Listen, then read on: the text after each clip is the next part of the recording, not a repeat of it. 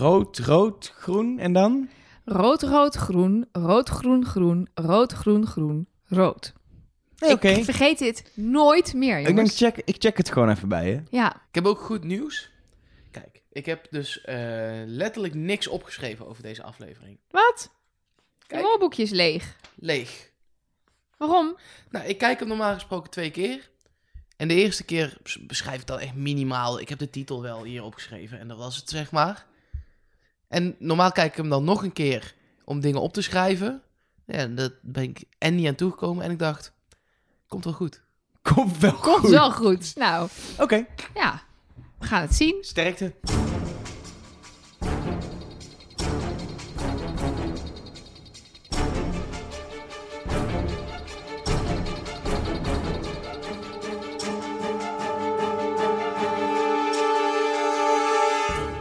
Hallo en welkom bij Trust Nobody, de podcast over wie is de mol. Met natuurlijk een iets wat sippe Nelleke Poorthuis.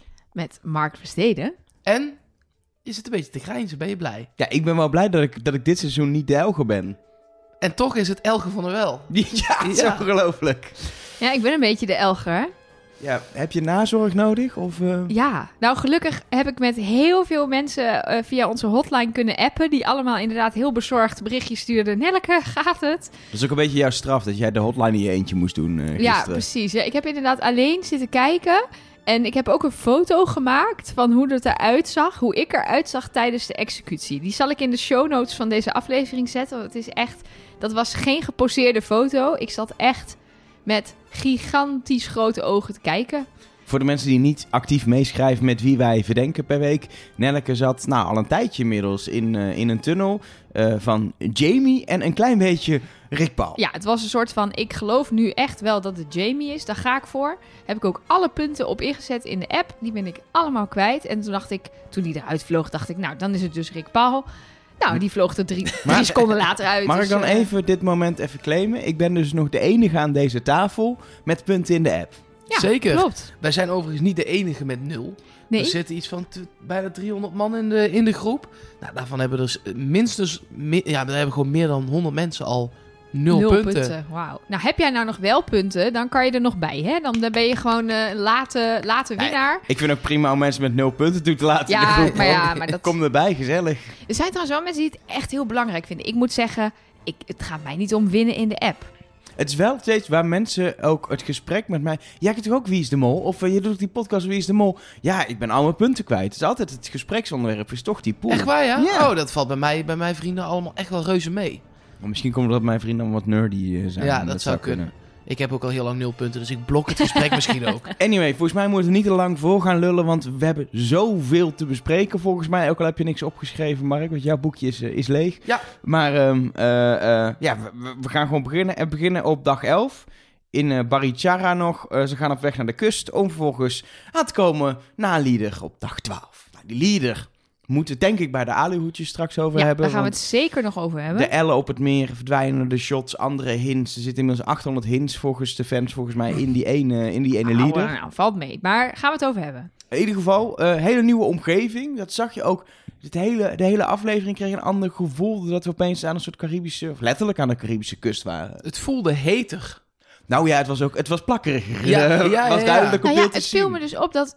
Ze zeiden de hele tijd, het is bloedheet, maar niemand was bezweet. Dus dan weet je... Nee, niet echt dat je straaltjes zag lopen. Dus wat het dan is, ik ben ook wel eens aan de Caribische kust geweest. Daar is het dan gewoon de luchtvochtigheid Ja. mega hoog. Waardoor je dus niet heel hard zweet, maar het wel bloedheet hebt. Sterker nog, je hebt het nog heter, want je kan je zweet niet kwijt. Dus ik had wel een beetje medelijden met z'n We waren in ieder geval op Mata de Platano.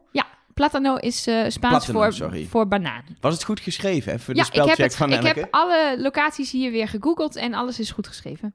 ja. Is, is er dan een hint? Nee, dat gaan we straks bij het aluhoedje doen, denk ik. Ehm, ja, daarna eigenlijk helemaal niet al alle hele moeilijke gesprekken over bondjes, over dit, over dat. We gingen eigenlijk gewoon een opdracht in. Ja, nou ja, de titel is nog wel geweest natuurlijk. Altijd goed om Inhalen. even te benoemen. Ja.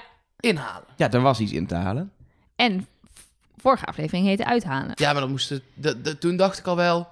dan zullen er aan het eind wel twee mensen uitgaan. Oh ja, dus het soort, dat, dat moeten we inhalen. Dat moet erin gehaald worden. Ja, en Ja, we zagen ja. inhalige kandidaten die voor drie jokers gingen.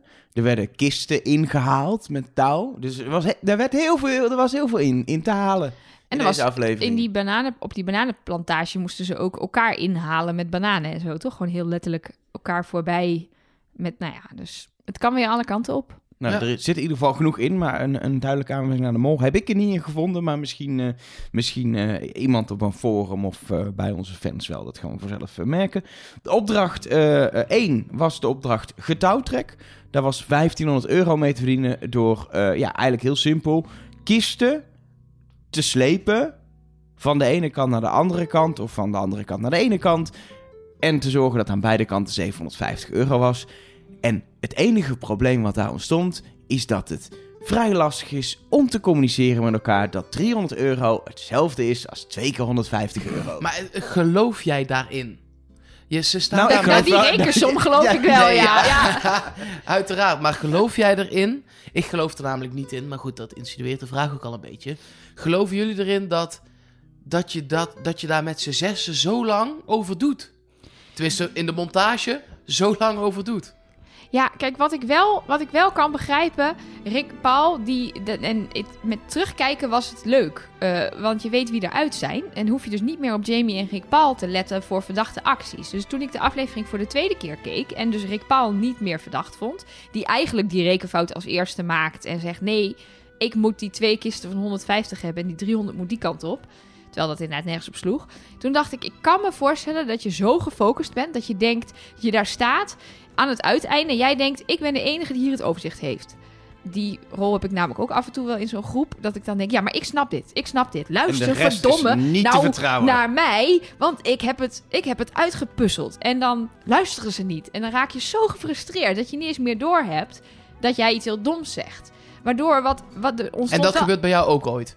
Dat, je dan gebeurt- iets heel doms zegt. Ja, dit gebeurt bij mij ook wel. Hij- ik nou ja, ben ook best wel koppig. En dat ik dan gelijk wil hij- hebben. hij- ja. Het probleem, maar het probleem was niet eigenlijk dat hij zei niet ze- heel doms. Hij ontkende alleen dat er een andere oplossing was. Nee, want En hij, hij, zei de hele tijd... Hij, ik, ha- hij hamerde zo op zijn oplossing als enige oplossing. Want als ze dat gewoon allemaal hadden gedaan, was, het ook, gelukt. Alleen het was veel meer werk. Precies. Maar wat de mol dan volgens mij doet in dat geval, is dus die verwarring zaaien. En niet degene zijn die er keihard tegen ingaat en die zegt: Yo, we doen het andersom. Dat deed Sinan. Die opperde namelijk: Ho, En- stop. En, en Jamie ook. Ja, maar die is dus ook niet meer verdacht. Dus laten we het vooral niet te veel over verdachte acties van Rick Paul en Jamie hebben. Maar goed, maar eh, Sinan opperde als eerste: hey, we zijn iets doms aan het doen. We zijn twee, drie kisten aan het wisselen die dezelfde waarde hebben. Maar de, de, de middenmoot, die waren, zaten vooral in de vertraging. De kist ging naar Sarah toe. Toen wilde Sarah hem niet doorgeven, maar ze wilde hem ook weer niet teruggeven. En daar zit dan volgens mij Ja, de molactie. maar het zit hem ook... Kijk, ik zit in mijn nieuwstunnel. Maar Ja, het zit en- hem juist als iemand zo'n rekenfout maakt... en je ziet dat dat juist heel veel extra werk oplevert... dan ga je daar gewoon in mee. Ja, in de hoop dat het dan te lang duurt. Maar- en Ja, dan, precies. eh, Opva- opvallend is ook wel weer hoe heviger de discussie werd. Hoe harder Merel meeging met Rick Paul Ja. om die verwarring te versterken. Ik vond Merel daar opeens weer, die we, die we de afgelopen aflevering gewoon een goede kandidaat zagen spelen. En, en, en geld zagen binnenhalen. Ging ze opeens daar weer in. hey, een situatie die ik, als ik de mol zou zijn, kan uitbuiten. Die ga ik even lekker uitbuiten. En dat hebben we natuurlijk eerder in het seizoen ook zien doen. Maar dat was een beetje weg of zo. En dat, dat kwam bij Merel totaal weer op. Dat ze echt weer liep te kutten gewoon. Maar even gewoon überhaupt in algemene zin. Waar wil je staan als mol? Wil je aan een van de twee Nee. uiteinden in staan? het midden. in het of wil je midden. het midden? In het midden kun je chaos veroorzaken. Dat is pech voor jouw eh, tunnel. Ja, dat, Ja. nee, dat, is, ze- dat is zeker zo. Eh, eh, in, mijn- in, mijn- maar ik, het punt is, ik zit niet heel erg in een tunnel, hè. Ik vind Sinan verdacht, eh, maar vorige aflevering Maar jij vindt Merel ook... verdacht en Niels ook verdacht en Sarah ook verdacht, wil je zeggen. Nou, ik vind zelfs Rick Paul en Jamie nog wel verdacht. Ja, goeie, nog goeie, steeds wel. goeie molspeurder ben jij, zeg. Nee, maar ik vind, ik vind eh, eh, je wil als mol in het midden staan, want daar kun je meer verwarring zagen. En het liefst wil je in het midden staan, veel kisten moeten doorgeven, terwijl je niet kan gooien of doet alsof je niet kan gooien. Wat we Sarah dan weer zagen doen. Dus Maar zo moeilijk kan het toch niet Maar Sarah zijn? heeft dus naast eh, eh, eh, ehm, is dyslectisch, heeft ze ook nog dyscalculie. Want dit begreep ze ook al niet. Nee. Dat, dat 150 en Zo- 150 sowieso. samen 300 is. De letterlijke tekst op een gegeven moment, ik heb het in mijn boekje geschreven, dat ze gewoon letterlijk op een gegeven moment zei: Ja, ik snap eigenlijk de hele opdracht niet meer. Midden in de opdracht. Maar laten we eerlijk zijn, er zijn heel veel moeilijke opdrachten geweest. Dit, Dit was seizoen, er niet één die uh, roulette-opdracht, die uitleg snapte ik in de eerste instantie ook gereed van, maar daar komen we zo nog wel op natuurlijk. Maar Mhm. dit was gewoon, om te begrijpen, een makkelijke opdracht. Wat ik denk trouwens bij deze opdracht, is dat dit de vervangende opdracht is. Waar regisseur Rick het op zijn Instagram-account over had. Die hij in 12 uur heeft moeten bedenken. Want die opdracht zit ergens in de vorige aflevering of deze, gok ik, of misschien nog de volgende. Nou, in de vorige aflevering dat abseilen en zo, dat, dat eh, met die, met die, was dat de vorige? Nee, dat ziplinen bedoel ik, dat kan je allemaal niet zo in 12 uur... eh, Sowieso, dat was nogal onderdeel van het hele verloop Ja, van dit precies. seizoen. Dan Dus had je mijn- die links-rechts tuk-tuk opdracht nog. Ja, en dat, daarvan dachten wij, ja, daar zitten die stickers op dat dak en je hebt die tuk-tuks geregeld. Zo. Dus ik, maar dit kan je binnen 12 uur regelen. Je hebt Zeker- die kisten misschien zeggen, nog zeker- wel. Zeker als je al wat kisten hebt. Dat zou heel goed kunnen dat dat dezelfde kisten waren. Of je hebt in ieder geval een contact in Colombia die kisten maakt of zo. Ik bedoel, dat kan natuurlijk ook. En ja, wat ze, eh, Rick, eh, andere Rick, regisseur, nee, niet eh, regisseur Rick, maar presentator Rick, die vertelde in zijn, eh, in de Wie is de Mol podcast van de Afrotros, dat dit het eh, strandje voor het hotel van de productie is. Dus het is qua locatie ook nog eens waar ze al zijn. Dus mijn theorie hierbij is dat niks ten nadele van die opdracht, maar dat dit een wat simpelere opdracht was, omdat die in 12 uur bedacht is. En dan vind ik alsnog dat ze er heel veel geld aan hebben gehangen. ja, ik vind 1500 1500 euro. euro. vind ik echt nou, een bak geld. Wel voor eh, op het oog een simpele opdracht. Ja, maar er moest ook wel een beetje geld verdiend worden, want ja, er komt weer heel veel geld uit. de Ja, maar- ja, opdracht. Ja. Maar dat is sowieso, we zien dat per aflevering verschillen. Dan zien we opeens best wel makkelijk een flink bedrag te verdienen, wat ook lukt. En daarna, dan is het super moeilijk en zijn het hele kleine bedragen. En zie je dat er, dat er net met moeite 200 euro van die kleine bedragen wordt binnengehaald. De, de wisselingen zijn wat dat betreft vrij Ja, als groot. je inderdaad bedenkt dat in die steenfabriek, dat je daar per opdracht 250 euro kon verdienen. En wat je daar, moest je een heel mol-logo nabouwen van bakstenen. Nou, dat duurde ook ongeveer 25 minuten. Dus eh, Ik, ik heb nog één, en vind ik wel leuk om nu, om nu aan te halen. Ik heb één quote echt letterlijk uitgeschreven. Dat doe ik echt die heel opvallend is. Van Merel, die zegt namelijk op een gegeven moment... in de discussie tussen, tussen ja, eh, Rick Paul en Merel als een soort groep... en Jamie die daar tegenin staat... zegt ze in de biecht, zegt ze... Jamie speelt alleen maar geld uit de pot. Die had ik letterlijk opgeschreven. Ik hey, hey. opvallende quote. Ja, nee, Jamie is er alleen uit. Dat kan, dat een dingetje. Ja, of het is Merel die heel erg de verdenking op anderen legt. Precies. Wat ik me bij deze opdracht ook nog afvroeg, hebben zij die locaties gekozen waar ze stonden in het rijtje? Of zijn ze daar neergezet? Was weer onduidelijk. Of ze, zijn- daar zelf iets over te zeggen hadden. Ze zijn letterlijk vastgebonden, dus ik denk dat ze weinig te kiezen hebben gehad. Maar... Ja, Jamie verwoordde het ook, we werden vastgebonden. Maar ja, kan natuurlijk nog steeds zijn, ga staan waar je wil staan. En dan komt er iemand van de productie je vastbinden. Ja. Maar Maar het wa- wat dat betreft waren het ook eh, gekke trio's. Misschien dat de uitleg nog niet was geweest. Maar aan de ene kant stonden de drie vrouwen. En aan de andere kant stonden de drie mannen. En dan reken ik Rick Paul heel even als vrouw mee. ja, dat, deed, dat deed, dat deed niet, Jamie, dat deed? Jamie vorige aflevering ook. Ik Ah, vond dat een nare opmerking. Dit kan je niet maken. Oké, sorry.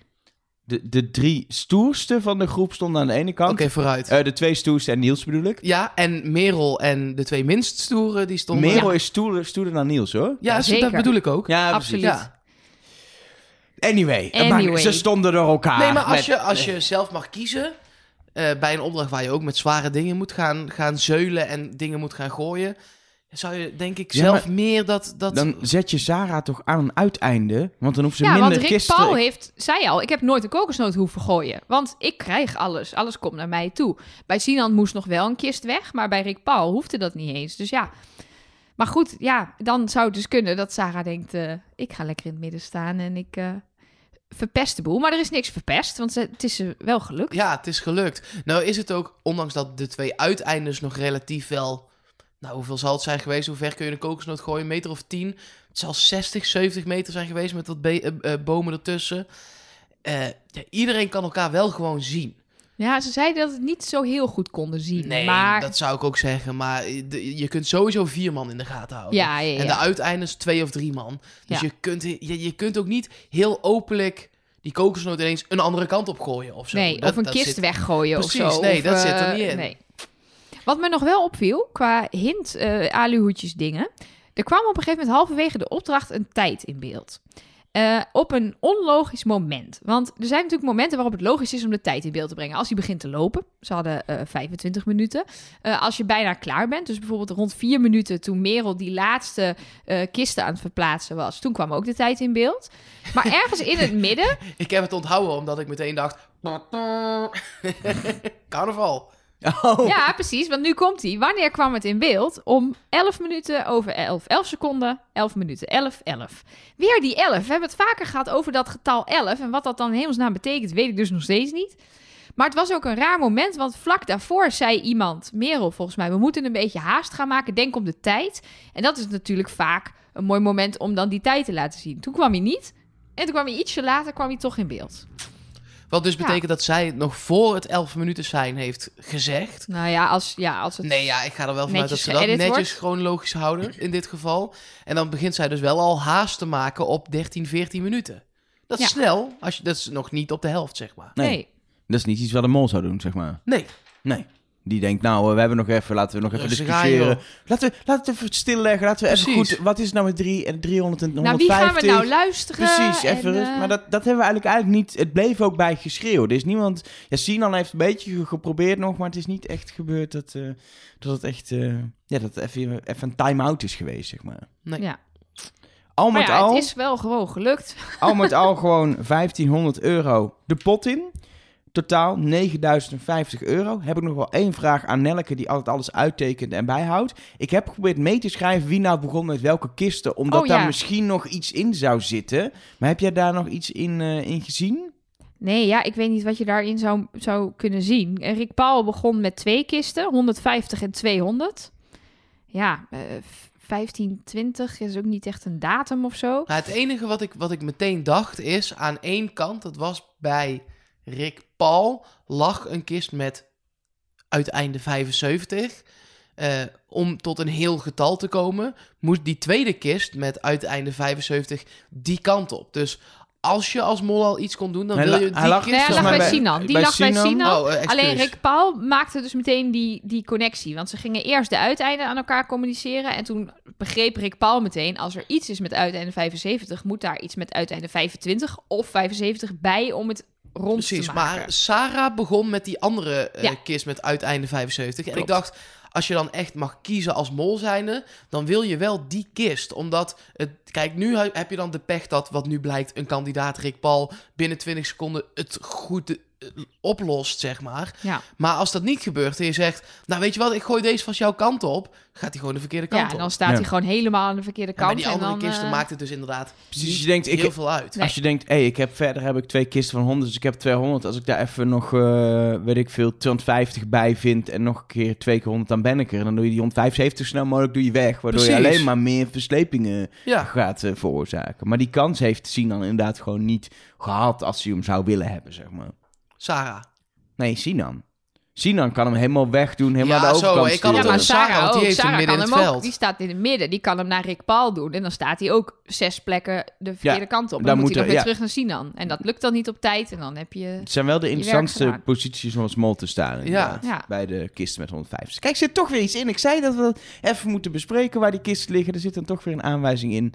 Overal zit een aanwijzing in. En Niels stond dus duidelijk niet bij een kist met 175 Ja, en ze hebben dit-. Nee, uiteindelijk best goed gedaan. Want ze zaten natuurlijk heel even... Die kist van 300 hebben ze even één keer de verkeerde kant op gesleept. Maar verder hebben ze de kortste route gekozen om deze puzzel op te lossen. Dus Oh, dat heb je ook nog helemaal uit zitten tekenen. ja, Het is niet normaal, dit. Het is niet normaal. Anyway. Daarna krijgen we ouderwets een gezellig rondje over bondjes. Want Yay. het trippelbondje, die, eh, ja, dat lijkt een beetje voorbij. Het trippelbondje tussen eh, Rick, Paul, Niels en Sarah. Want Sarah die smoezelt, of wat, wat Ja, deze? smoezelt. we hebben nu een smoezelbondje. Ze smoezelde met Merel. Eh, wat logisch is van twee... Ja, ik vind het logisch dat twee vrouwen... Als je, als je al een tijdje als twee vrouwen over bent... dat je op een gegeven moment toch... eh, dat dat een bondje wordt, automatisch. Ja, Ja, zo- dat is heel cliché, maar dat gebeurt hebben we volgens een paar mij. afleveringen geleden ook gezien dat het toch zo ontstond. Zo van, hé, hey, laten we samen tegen die mannen, want eh, dit, eh, moeten we, dit pikken we niet natuurlijk. Ja, maar ja, uiteindelijk hebben we niet heel veel uit het bondje gehaald, behalve dat ze het heel even hadden over dat ze Merel verdachten. Maar ja, uiteindelijk zien we dat ze eh, vooral eh, allebei op Jamie zitten in de uiteindelijke test. En dat dat dus niet zo. Ja, maar eh, iedereen zat op Jamie in de test. Dat, eh, in de montage van de test zat iedereen op Jamie in ieder Ja. geval. En vorige aflevering nog allemaal op Rick Ja. Paul, dus eh, interessant. In ieder geval, er wordt heel letterlijk uitgesproken dat Rick Paul en Niels samen naar de finale willen. Dat dat echt hun doel is. En je ziet ook later in de aflevering natuurlijk dat dat, dat, dat ook een prijskaartje mag hebben. Ehm, maar wel interessant dat... is wel mislukt. Dat, dat Oh. je- ja, Ja, ja. ja. Het is, niet, het is niet dat je denkt, nou, wat knap. Nee, nee, ja. Ze hebben een poging gedaan, zou ik Ja, maar zeggen. nou, chapeau. Chapeau. Ja, Zullen we dan maar gewoon eh, doorgaan naar eh Quabrada Valencia? Ja. Ik was meteen in Spanje, maar dat is, eh, ze zijn in Colombia. Ja, nee, en dat was ook weer goed gespeld. Het is trouwens ba ba Bal- Valencia. Ja, ik kan het niet. Valencia. Valencia. Maar in eh, Zuid-Amerika praten ze veel minder zo. Oh, dan is het gewoon articuleren ze beter. Valencia. Valencia. Valencia. Quabrada Valencia, lekker. Lekker hoor. hey, eh, kunnen jullie mij de opdracht even uitleggen? De roulette-opdracht. ja. Ik, de- de- ik- uiteindelijk, toen het eenmaal bezig was, snapte ik het. Toen Rick het aan het uitleggen was, heb ik drie keer teruggespoeld. Ik snapte er gereed van. Je hebt vier enveloppen, er liggen dingen in het kistje. Eh, ik kwam pas later Ik- achter ook dat je dan, als je er voorbij was, niet meer terug mocht. Allemaal, ik snapte het, ik snap het niet. Ik zal hem even uitleggen, zoals Ja. Rick hem uitlegde. Het zijn negen bakjes. Je mag maar één ding pakken uit een van de negen bakjes. Eh, het is geld voor de pot of iets anders. We gaan Russisch roulette spelen. Je maakt kans om te kiezen uit... Of nee, je kunt kiezen uit 1, 2, 3 jokers... of een testtijd die wordt stopgezet op 1 seconde... waardoor je de test altijd als snelste hebt gemaakt. Vervolgens moet je enveloppen pakken. Afhankelijk van wat je kiest. 1, 2 of 3 stuks of bij de testtijd ook 2 stuks. Afhankelijk van je keuzes gaat er vervolgens misschien wel geld uit de pot als je de verkeerde envelop pakt. 0 euro, min 500, 500 euro, min 1000 euro of twee rode schermen.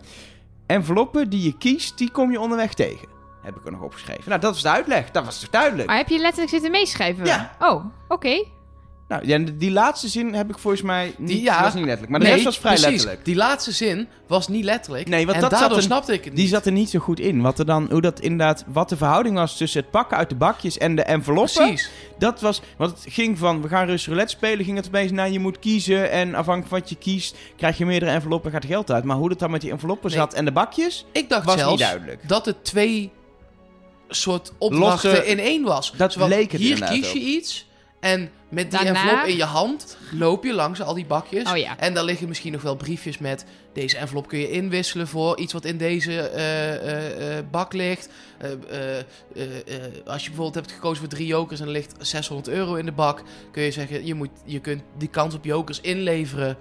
voor deze 600 euro. Dat bleek het allemaal niet te zijn. Maar ik, ik snapte er echt in eerste instantie helemaal niet. niks van. Ik had in het begin, de eerste paar zinnen, dacht ik ook... Oké, even goed opletten. Maar toen ik gewoon zijn hele praatje had gehoord, dacht ik... Oh ja, ik snap het. Ik wist alleen niet inderdaad dat je niet meer terug mocht lopen. Dat werd pas duidelijk toen een van de kandidaten dat zei. Volgens mij was het Sarah of Merel die op een gegeven moment zei... Ja, als je er nou eenmaal voorbij bent gelopen, dan mag je niet meer terug. Maar, wat, Ah, maar dat maakt verteld. toch ook niet zoveel uit? Je gaat denk je dan opeens bij de derde envelop, denk je... Nee, het is toch de eerste, ik moet terug. Dat nee, is maar het kan wel zijn. hand? Stel, het zou wel zo kunnen zijn dat er in het. Bij dit soort opdrachten denk ik dan altijd. Misschien Ja. ligt er in het laatste bakje wel. Een zwarte vrijstelling. ja, dat, geen idee. dat was dus het enige wat ik op een gegeven moment dacht. De, de- op een gegeven moment gedurende het speldag nog... Er is dadelijk een twist dat inderdaad in het laatste bakje... De, de, in een bakje kan van alles liggen. Dat is het enige wat ik zeg. Dat er inderdaad een vrijstelling of een zwarte vrijstelling... in het laatste bakje zou liggen. En dat het op een gegeven moment ook nog zou worden onthuld na de opdracht.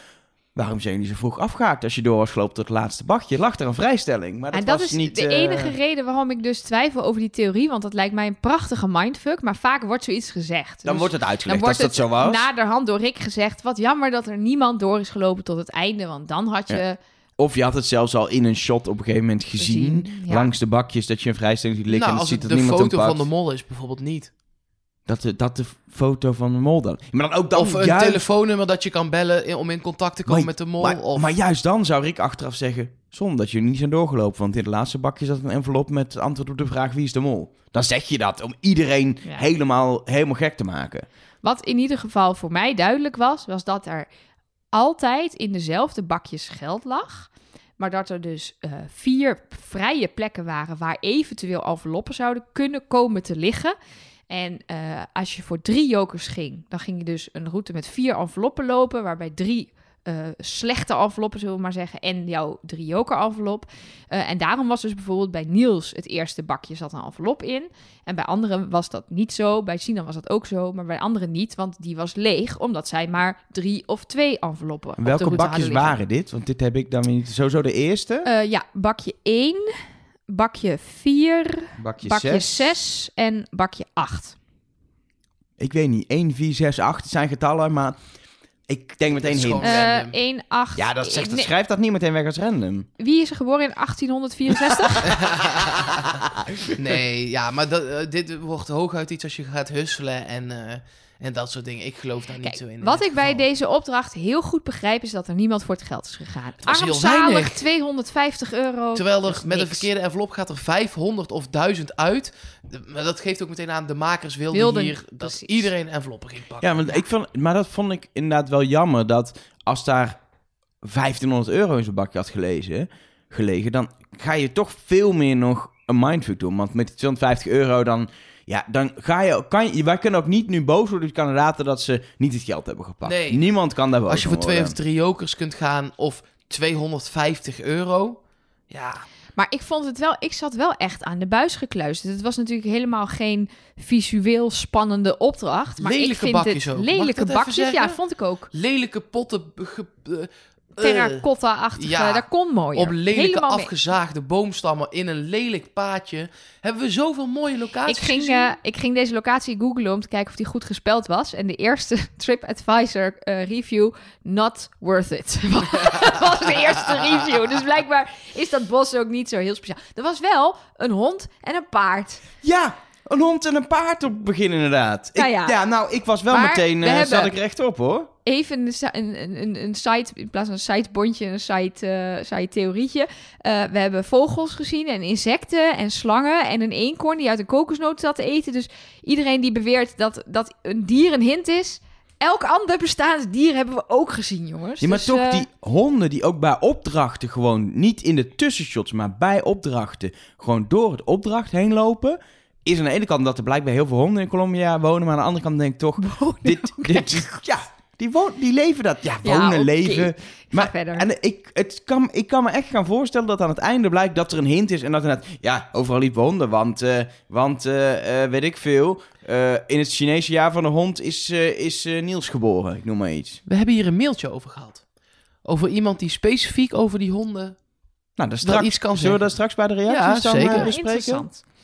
Maar laat ik dan even zeggen dat ik blij was dat eh, kandidaten zoals Niels en Sinan gewoon lekker risico namen. Drie jokers gingen, voor Ik- drie jokers gingen. Ik, ik- vind dat leuk. Ik heb ook even gewoon mijn lesje statistiek en kansrekening eh, losgelaten op deze opdracht. Het beste wat je kan doen hier, want je hebt een, in statistiek of kansrekening heb je iets als een verwachtingswaarde. Mhm. Ehm, als jij voor één joker gaat, is de, is de verwachtingswaarde dat je een halve joker krijgt. Want je hebt twee enveloppen met één joker erin. Maar kies jij voor drie uit vier enveloppen, dan is de verwachtingswaarde drie vierde dat jij drie vierde joker krijgt.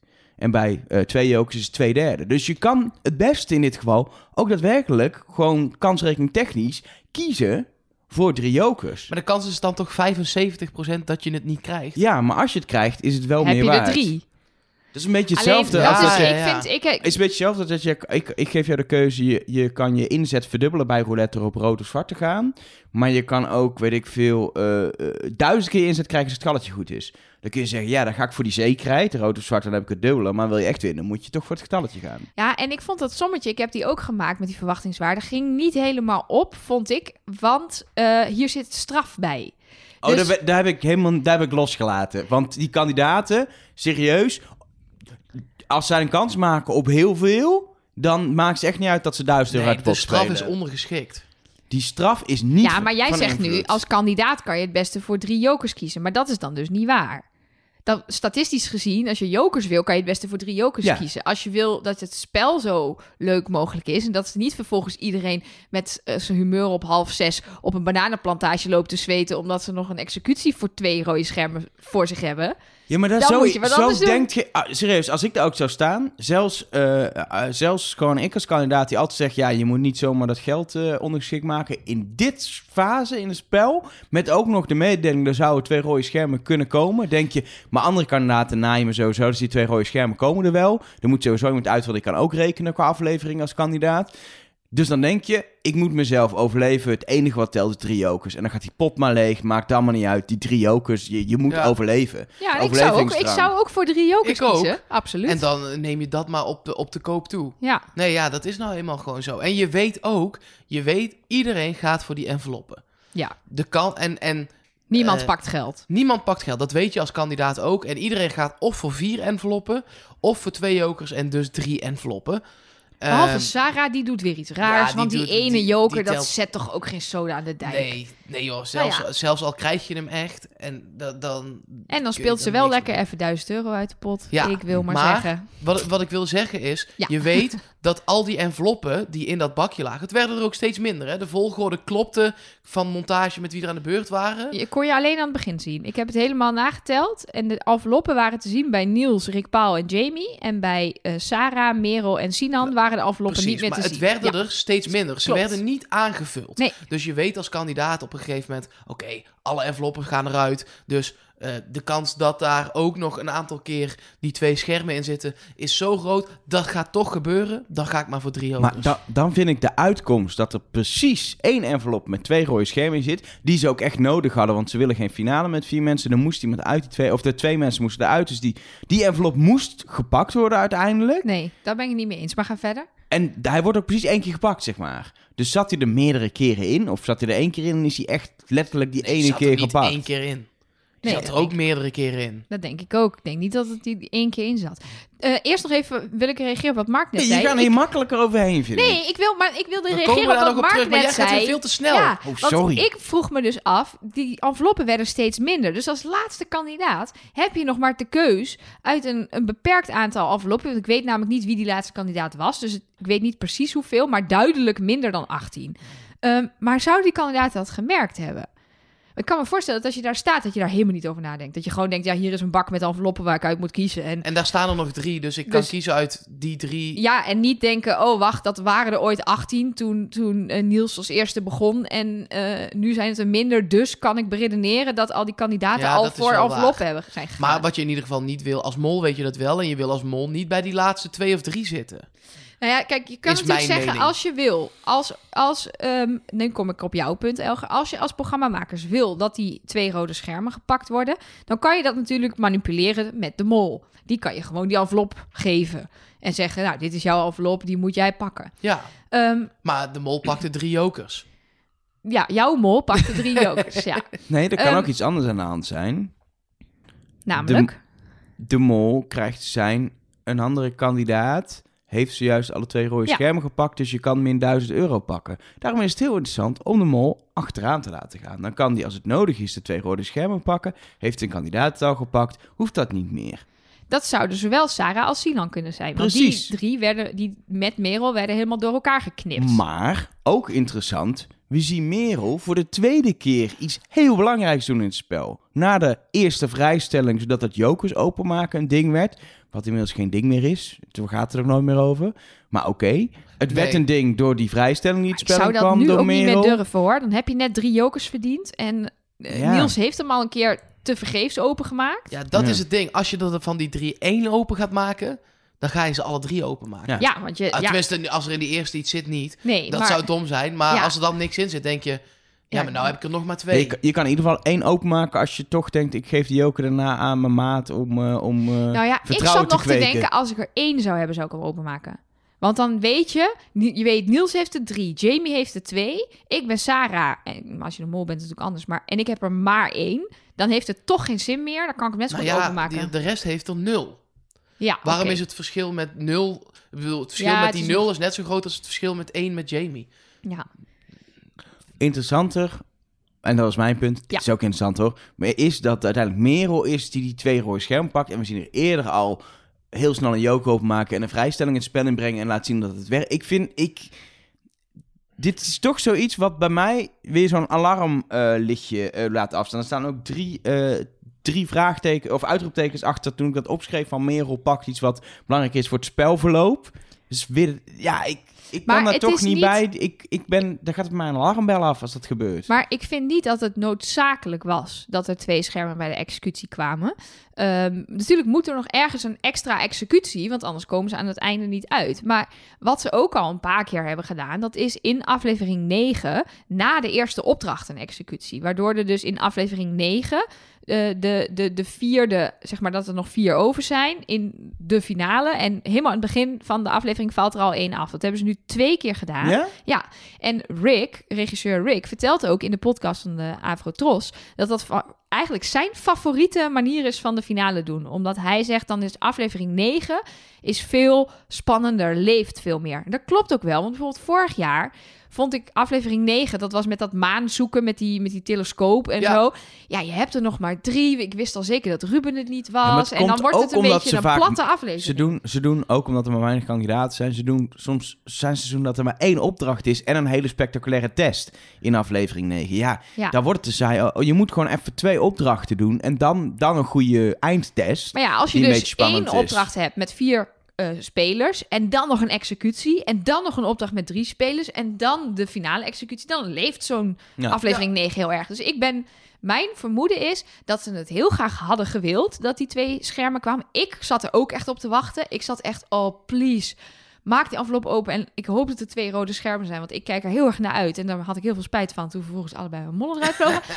maar dat, het, dat ze, ze hoeven niet de mol voor hun karretje te spannen. Wat wel interessant is in dit hele twee rode schermen verhaal. Deze opdracht had prima blijven bestaan en dezelfde dynamiek gehad als dat er niet in had gezeten. Als er namelijk gewoon of in aflevering 1 of de vorige aflevering wel mensen uit waren Denk je dat het er dan niet in had gezeten? Nou, had er niet in gezeten. Het was ook helemaal niet nodig, want door die minbedragen en die jokers was het nog steeds spannend. Dit had wel een iets versterkende dimensie natuurlijk, maar het had ook zonder gekund. Dus het geeft wel aan dat alle scenario's in dit seizoen, voor waar mensen af konden vallen en niet, heel erg open lagen. En dat er verschillende ja, paden zijn, verschillende mogelijkheden zijn om uiteindelijk tot de finale met drie te komen. Maar dat ze ook wel alles in het werk hebben gesteld om te zorgen dat we naar een finale met drie eh, gaan. Ja, Ja. dat is inderdaad wel eh, meer dan duidelijk. Ja, en de, de, de programmamakers hebben al meerdere malen gezegd dat wat ze ook bedenken, de kandidaten doen altijd iets anders dan ze voorspellen. Dus, dus zij moeten eh, een soort van super, super wendbaar zijn in al, inderdaad die paden die- waar jij het over hebt. Ze moeten alle kanten op kunnen bij elke keus die er wordt gemaakt door die Zeker. kandidaten. Nou ja, daar, daarover letterlijk gesproken. We hebben het in de vorige aflevering, of twee afleveringen terug, tijd vliegt hè. Eh, het is al bijna weer voorbij. Het ja, is niet joh. normaal. Nee, maar we hebben, Hou het, even op, ik wil er nog niet aan denken. we hebben het gehad over die opdracht waarbij ze moesten blijven zitten. En eh, min 250 Die euro. wachtkamer op. Ja. Precies. En daarvan waren tot aan deze week drie van de vier mensen die dat deden uit het spel. Nu zijn dat ze allemaal. Rick Paul was nog de laatste die ook toen bleef zitten. Dus eh, de theorie met, ja, de mol moet bij zo'n opdracht het geld wel uit de pot halen, blijkt in ieder geval dit jaar niet zo te zijn. Dat moet je ook wel meenemen in deze analyse van die min 1000 euro. Ja, blijkbaar hoeft dat niet. Ik zou, ik, ik, Ja, is wel een verschil tussen 250 en 1000 euro en een verschil tussen het begin van, eh, van het seizoen en, en het punt waar we nu zijn aangekomen. nee, maar heel veel mensen zeiden, ja, maar als je daar als mol niet het geld uit de pot haalt, ben je echt eh, een slechte mol.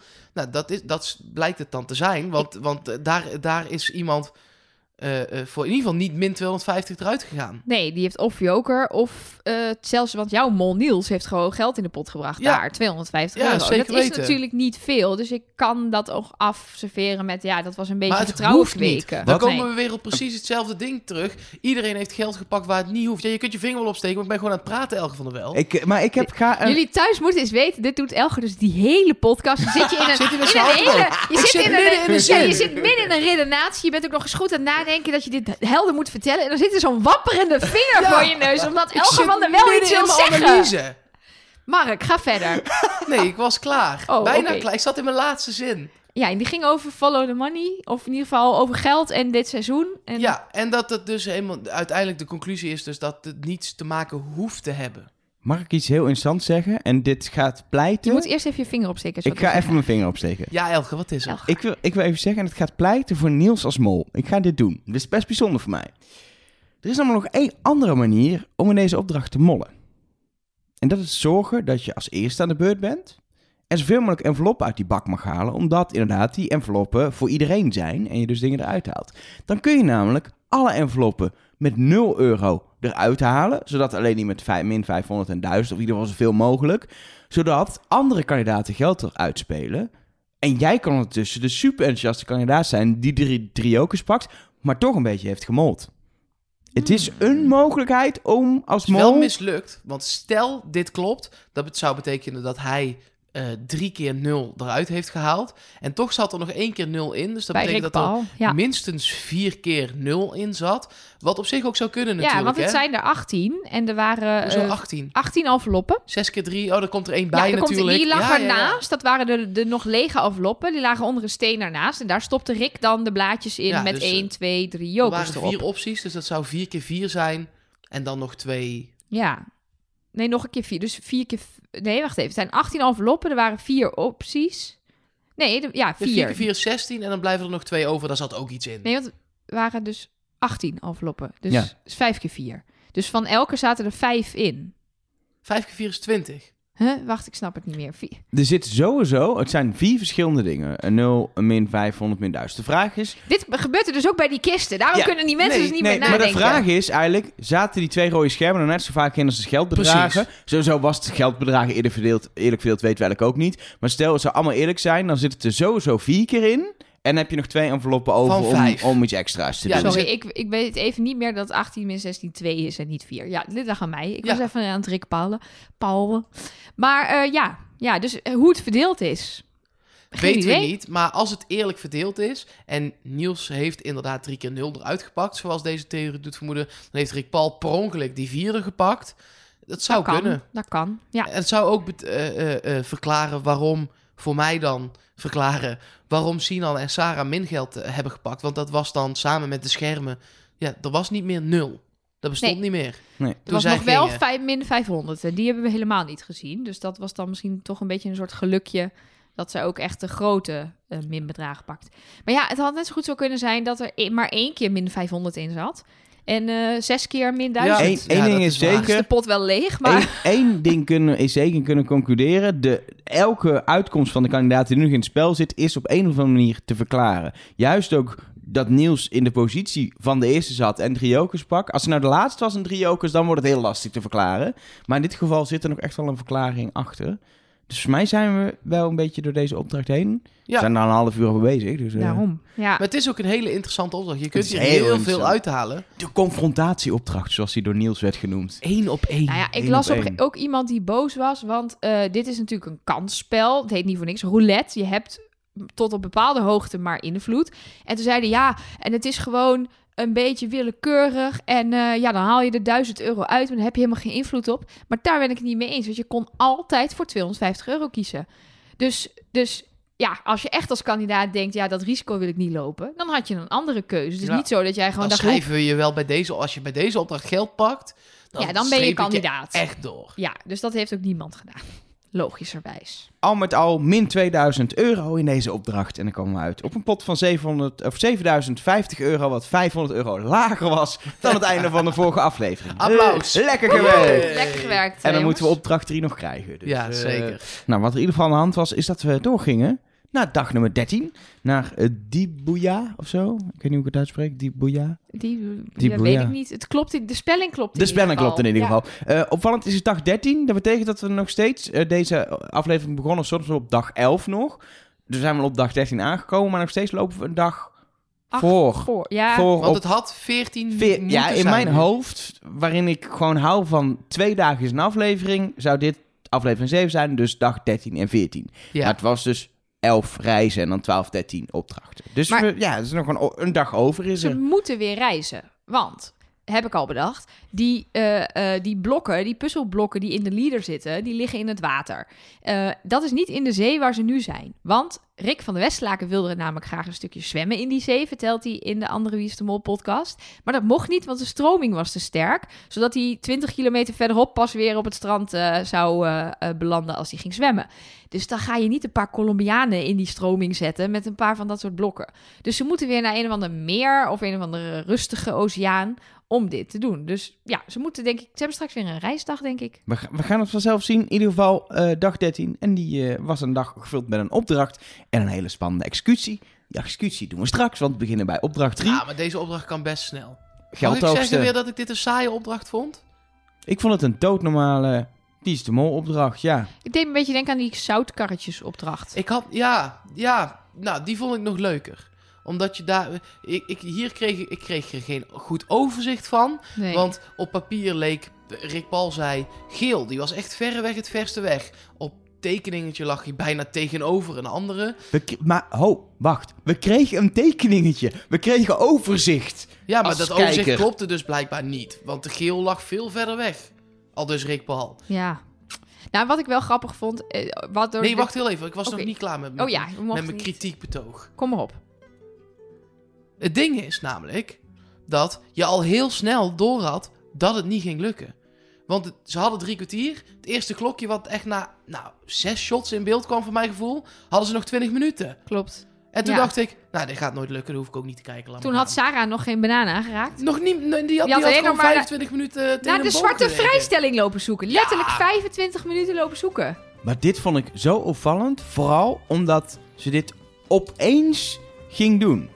Dit, kijk, Ellie Lust was dit gewoon haar houding. Ja, Ja, om dat was gewoon te logisch. zoeken. die heeft hele Ja. kloosters omgespit. Maar Sarah zat normaal alleen maar... Oh, ik, kan niet, ik kan niet schrijven, ik kan niet tellen, ik kan eigenlijk helemaal niks. En toch doe ik een beetje mee. En nu was het... Ik ga een zwarte vrijstelling zoeken tussen de bananen. Maar ik vind dit dus een hele vette houding. Als je hem al helemaal vanaf het begin hebt. Ja, Als je bij iedere opdracht, want ze gaan in een seizoen ergens liggen. iets verstoppen. Ja, maar in die, in die steenfabriek heeft ze niet de moeite gedaan om een van de drie jokers te vinden die er lagen. Om maar Nee, een voorbeeld te noemen. terwijl de kans is heel groot dat er eentje bij dat dol of ergens lag. Ja. Het kan natuurlijk wel zijn, even gewoon om voor haar te spreken, dat ze doordat ze in die steenfabriek vorige aflevering eh eh er lagen, dat ze dacht, oh, er kunnen natuurlijk gewoon dingen liggen. Dat ze, ze is niet de slimste in dit spel, tenminste dat speelt ze in ieder geval, dus ze opeens wakker is geworden. En ze ook dacht, hé, hey, er zijn net heel veel jokes in het spel gegaan. Het zou heel logisch zijn op zich om een zwarte vrijstelling te hebben. Dit moment is ook perfect Ja. voor een zwarte Dus vrijstelling. het, eh, er is heel ver is een verklaring te geven voor die actie, maar toch ook is die wel slecht, ja, verklaring. Maar wat je volgens mij ook heel erg merkte, is dat ze gewoon allemaal eh, sowieso bloedheet hadden. Maar ook echt wel, die twee rode schermen drukten wel echt op de groep. Zo van, Tori, er gaan zo meteen een- twee mensen naar huis. Ja, oké, dat is wel waar. Maar het was een dag later, dus ze hebben er allemaal een nachtje over kunnen Ja, slapen. maar bij het kampvuur zaten ze ook allemaal met enorme, eh, eh, ja, lange gezichten. Zo van jeetje, jeetje, jeetje. En volgens mij zeker Merel, die is er volgens mij nog steeds niet van bekomen. Nee. Want het waren natuurlijk ook nog, was ook nog haar maatje die wegging. Maar ja, dus ik had het idee dat, dat deze opdracht niet echt heel erg leuk was voor ze. Dat ze er gewoon niet echt zin in hadden. Nee, nee, wel een fantastisch systeem. Ja. Dat, dat hangsysteem wat ze daar gebruiken, vind ik fantastisch. Ik vond het wel mooi. Goed bedacht. Ja, Maar concreet, wat hebben we gezien? We hebben gezien dat uiteindelijk de manier waarop je geld kon verdienen in deze opdracht iets wat onduidelijk was vooraf. Laten we dat maar even gezegd hebben. Omdat ik dacht, het moet gewoon helemaal lukken. Alles op de goede plek en dan verdien je 1500 euro. Maar het was in de bananentrossen die je goed binnenhaalt zitten kookje. Die moet je dan nog zelf ja en gaan alleen zoeken. de oranje. Ja, dus dat was een beetje dat ik dacht, oké. Ja, ik vond dat wel een leuke twist. Want ik dacht, ja, Ja. dit is onmogelijk om alles op de goede plek te krijgen. Het nare is dat je dus als kandidaat ook niet weet dat het om de oranje gaat. Dus je kan geen tactiek bedenken van, oh, we moeten, nou, anders is, werkt deze opdracht ook niet. Want als je van tevoren vertelt, je hoeft alleen die oranje op de goede plek te doen. Ja, dan ga je die oranje op de goede plek doen. Maar dan lagen er alsnog, voor het feit dat er zo weinig bananen waren versleept, lagen er nog bizar veel goede Ja, bananen in het oranje vakkie. Is mede, vooral dankzij Rick Paul, er waren zeven eh, trossen op de goede plek. Namelijk bij Sarah, die had het oranje station. En vijf daarvan zijn eigenhandig door Rick Paul opgehangen en vervoerd en weer afgetakeld. Dus die heeft in zijn eentje... Want we weten inmiddels, hij is niet de mol. Nee. Het lijkt me verschrikkelijk als je als mol daar aankomt met een, een berg gele en blauwe bananen. De bananen zijn altijd geel, maar uit de- het gele vakje lintjes. Ja. en het blauwe vakje. Eh, eh, en dat je dan ziet dat gewoon iemand die niet de mol is, daar zo met je geld er vandoor aan het gaan is richting het goede vak. Dat lijkt me echt verschrikkelijk. Ja. Nou, de mol heeft het uiteindelijk aan het einde weer opgelost door een eh kokertje te laten hangen. Ja, maar ik vind... de- de- Dat voordat weet we, je niet. Voordat we daar komen, is iets anders interessant. Het geldt er namelijk in de oranje trossen. Dus waar wil je als mol staan Niet bij de oranje trossen. Juist wel, want Nee. dan kun je kokertjes achterover drukken. Ja. Alleen dat is niet gebeurd, is heel duidelijk. Want ze, we, ze hebben er twee gevonden. Nog één, eh, één is er zeg maar... ehm, ja, hoe zeg je dat? Die is blijven hangen of die is in ieder geval niet gepakt. Maar die zat er wel in. Dat betekent dus dat Sarah, wat we al wisten, maar toch niet de mol is. Wat ik, wat ik dan Nou denk is dat je als mol... eh, kijk, ze hadden afgesproken met z'n allen. Vier mensen gaan bij een station staan. Ja. En twee mensen gaan lopen. Ja, dat waren Niels en Jamie. Ja. Je wil lopen. Je wil lopen, want je wil zoveel mogelijk... Hier kun je als mol fantastisch je best doen. Want jij weet natuurlijk die twist wel. Je kunt fantastisch je best doen. Geel, blauw, Alles op groen. de groen. goede Blauw, plek, groen. behalve Oh, oranje. wa- en dan eh, ja, doen we nog oranje. Ah, tijdsom. Ah, jammer. Je wil niet op het eerste station startpunt staan en daar achter blijven en de hele opdracht niet meer terugkomen. Nee, Als je wil, mol. je wil lopen of bij oranje staan vooruit. Ja, maar bij oranje staan, kijk, dan heb je inderdaad een punt. Je kan het geld uit die, uit die dingen halen. Maar volgens mij is het niet zo makkelijk. Want daar zaten zakken omheen die ze kapot moesten scheuren. Dus dan moet je dus die zakken kapot scheuren. De kokertjes zaten echt helemaal om de tros heen gebonden. Dus het enige wat je volgens mij makkelijk kan doen zonder gereedschap... is het kokertje openmaken en het geld achterover doen. Maar dus niet het kokertje laten verdwijnen. Dan zouden de kandidaten lege kokertjes vinden. En wat je hebt als je op, op plek oranje staat, wat er dus nu ook gebeurde. Rick Paul brengt jou gewoon die trossen. Wat, wat wil je daarmee doen? Wil je die weggooien? Je kan beter of lopen of op een plek staan, op een station waar heel veel oranje ligt. En die lekker laten liggen. En eerst die blauwe erop hangen en die gele erop hangen Ja. en die groene. maar ja, En dan heb je te weinig tijd voor die oranje. in Of mijn... je flikkert twee oranje gewoon in een hoekje, zoals Merel deed. Kan ja, ook. en dat niemand... Ja, nee, we tillen ze wel en dat niemand dat dan doet. Waren, Nee. er, waren dat twee oranje? Er waren twee oranje. Die Sarah en Merel samen hebben laten liggen. Ja, nee, Dat eh, waren eh, twee oranje. Jamie en Niels kwamen ermee aangereden. Ja. Of getrokken of gesjouwd. Of hoe je het dan ook gesleept. Ja. Eh, en die zeiden, nou, we leggen ze even hier neer. Ook slim van eh, eh, als een van die twee de mol is. Want als je zegt, oh, maar dan doen we eerst even die twee oranje en dan gaan we daarna terug. Maar ze zeiden allebei, we doen eerst die andere kleur en dan Ja. leggen we die wel even hier neer. En vervolgens stelde Sarah voor: oké, laten we ze even liggen. Merel, wij gaan eerst even die groene wegbrengen. Dus die ging ook weer weg bij die, bij die oranje. Nou, en daar heeft Merel ook niks aan gedaan. Dus ja, daar hebben we wel wat Kan handjes aan op, die, weer. aan die. Uiteindelijk gingen ze, gingen Niels, Rick Paul en Jamie handmatig die oranje naar de juiste plek brengen. Maar dat was te laat. Toen was de tijd al om. Dus ja. Wat, wat, wat, wat mijn theorie is in mijn Niels-tunnel is... eh, hij heeft het als mol eigenlijk heel goed gespeeld... door een tactiek te bedenken waarmee eigenlijk niemand... behalve hij en Jamie zich gingen bemoeien met eh, de bananen. Pech voor hem is, dat gingen ze allemaal toch doen. Ja, en Rick Paul was iets te fanatiek met in zijn eentje Nee, gewoon. In precies. die heeft gewoon in die eerste 20 minuten eigenlijk al het geld al binnengehaald. ja, maar dat Ja. was niet de tactiek zoals we het hadden besproken. Dus de mol heeft aan de voorkant, wat we niet hebben gezien... daar in die groep de tactiek heel goed besproken. Vier mensen bij een station. Twee maar die lopen waarvan hij er één is. Nogmaals, mijn Niels-tunnel. Alleen toen dacht Rick Paul... ik ga me niet aan die tactiek houden. Ik ga even dit gewoon hierheen brengen, want het zit hier om de hoek. Ja, logisch als kandidaat dat je dat gaat doen. Want Ja. je staat daar en er komt maar ja, niemand. En, fijn die eh, tactiek, maar eh groetjes. nou ja, en uiteindelijk van de 12 oranje trossen hebben ze er dus zeven binnengehaald. Ze krijgen vervolgens van Rick te horen dat ze mogen gaan zoeken in die trossen. En dan vind ik het ook altijd heel interessant om te zien wie vindt daar dan het geld en wie laat daar dan vermoedelijk geld liggen. Eh Sinan vindt de eerste koker, 500 euro. Daarna vindt Niels met een soort van Sarah staat erbij. Ook eh, een koker met 500 euro.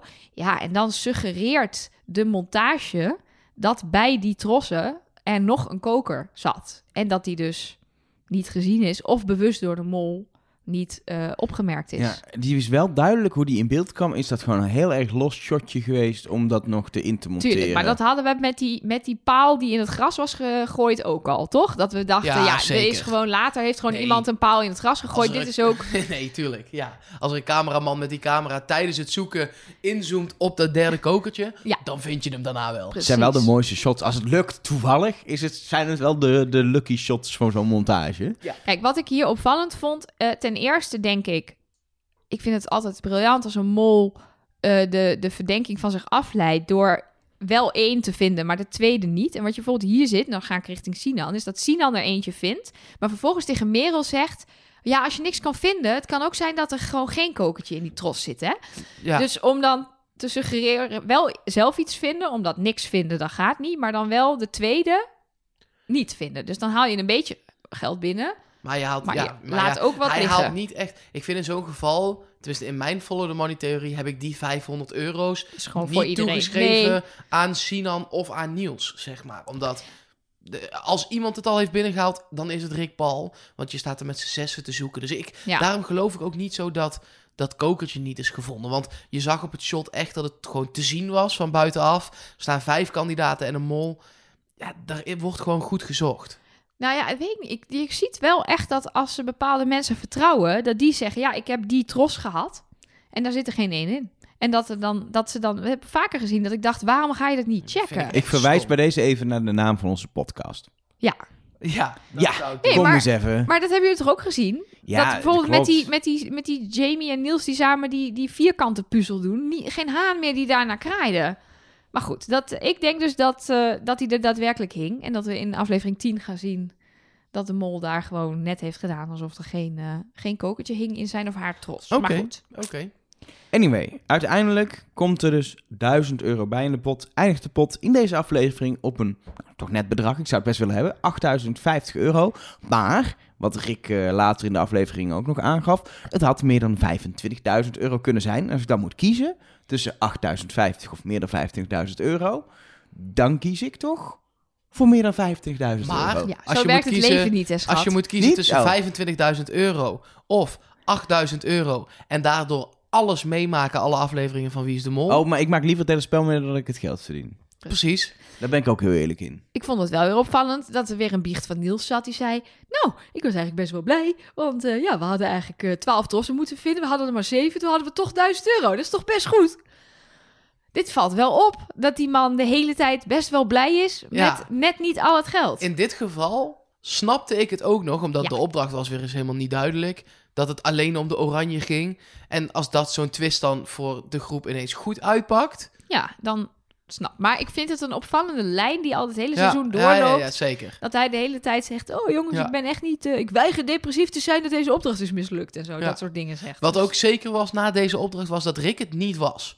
Dat kon echt niet meer. Je gaat namelijk niet als mol in je eentje zes of vijf Oh, oranje Rick trossen. Paul bedoel je? Ik dacht Rick de presentator. Nee, die is denk, ook niet de mol. Nee, ik Ik heb, nieuws is voor, ik heb nieuws voor Is je. dat überhaupt een optie? Rick Nee, is niet de Mol, mol. Rick Rick. is niet de mol. En Rick Paul is niet de mol. Nee, precies. In ieder geval, eh, eh, dan krijgen we eh, de, de actie. Want eh, er werden jokers eh, verdeeld eigenlijk. Ja, nou ja, Niels die pakte dus drie jokers bij die, bij die tweede opdracht. Eh, en daarvan gaf hij er gewoon één aan zijn nou ja, bondsgenootje Rick Paul. Ja, Ja. maar waarom? Ja, geen... We, we hebben daar eh, appjes over. Ik ga even kijken in de hotline, want er is echt druk over geappt. Eh, onder andere Jelle heeft erover geappt, maar ook Marloes. En die zegt het volgende.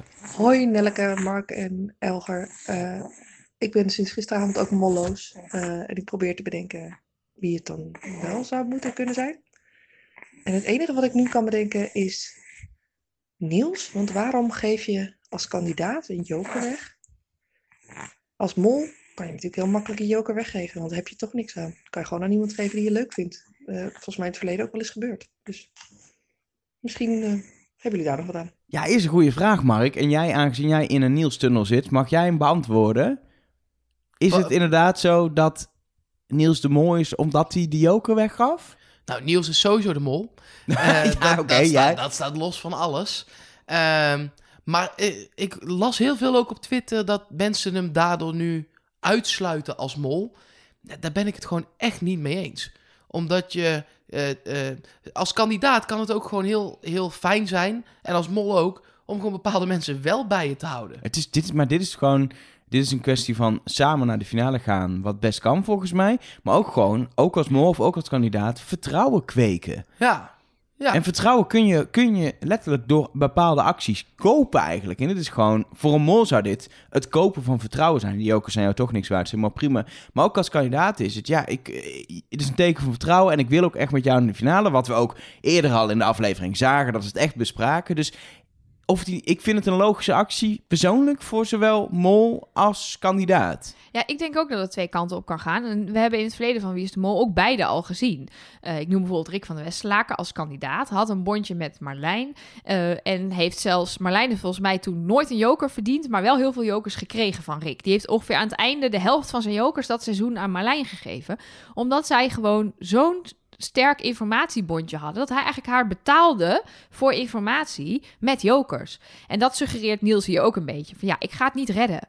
Eh, in mijn eentje in de finale. Ik heb Rick Paul nodig om, om informatie uit te Maar wisselen. zeker als er straks weer een opdracht komt waarbij je wel op twee verschillende plekken bent. En dan gaat Niels in het ene groepje, want dat doet een bondje vaak. Dan gaat Rick Paul in het andere groepje. En dan kom je samen om die informatie weer te overleggen. Ja. Dat is wat kandidaten doen. Als mol wil je overkomen als kandidaat. Dus eh, dit kun je als mol ook prima verantwoorden. Zeker omdat je zelf natuurlijk geen reet aan die jokers hebt. Ja, precies. Nou ja, en wat er ook gebeurt is, zeker in die finale, daar zitten allemaal vragen in over de vragenlijst die ze ooit hebben ingevuld. Dus vragen als, waar we het al eerder over hebben gehad, wat is de voornaam van je moeder?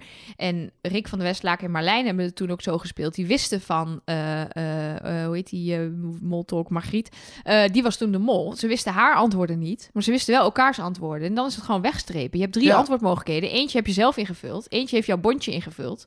Dus dan weet je gewoon, wij gaan die finale gaan we gewoon halen. Als je er maar achter bent met z'n tweeën wie dan daadwerkelijk de mol is. Ja, het is... En dat waren ze dus niet. Nee, nou, maar het, het, is, eh, het is zelfs zo dat eh, het nog wel eens slim kan zijn om een joker aan jouw mol te geven. Voor de, voor de buitenwereld. Tuurlijk ja. weet die mol... Kijk, eh, die mol die weet echt wel dat jij op hem zit. Ja. Want dat krijgt hij echt wel door van de productie.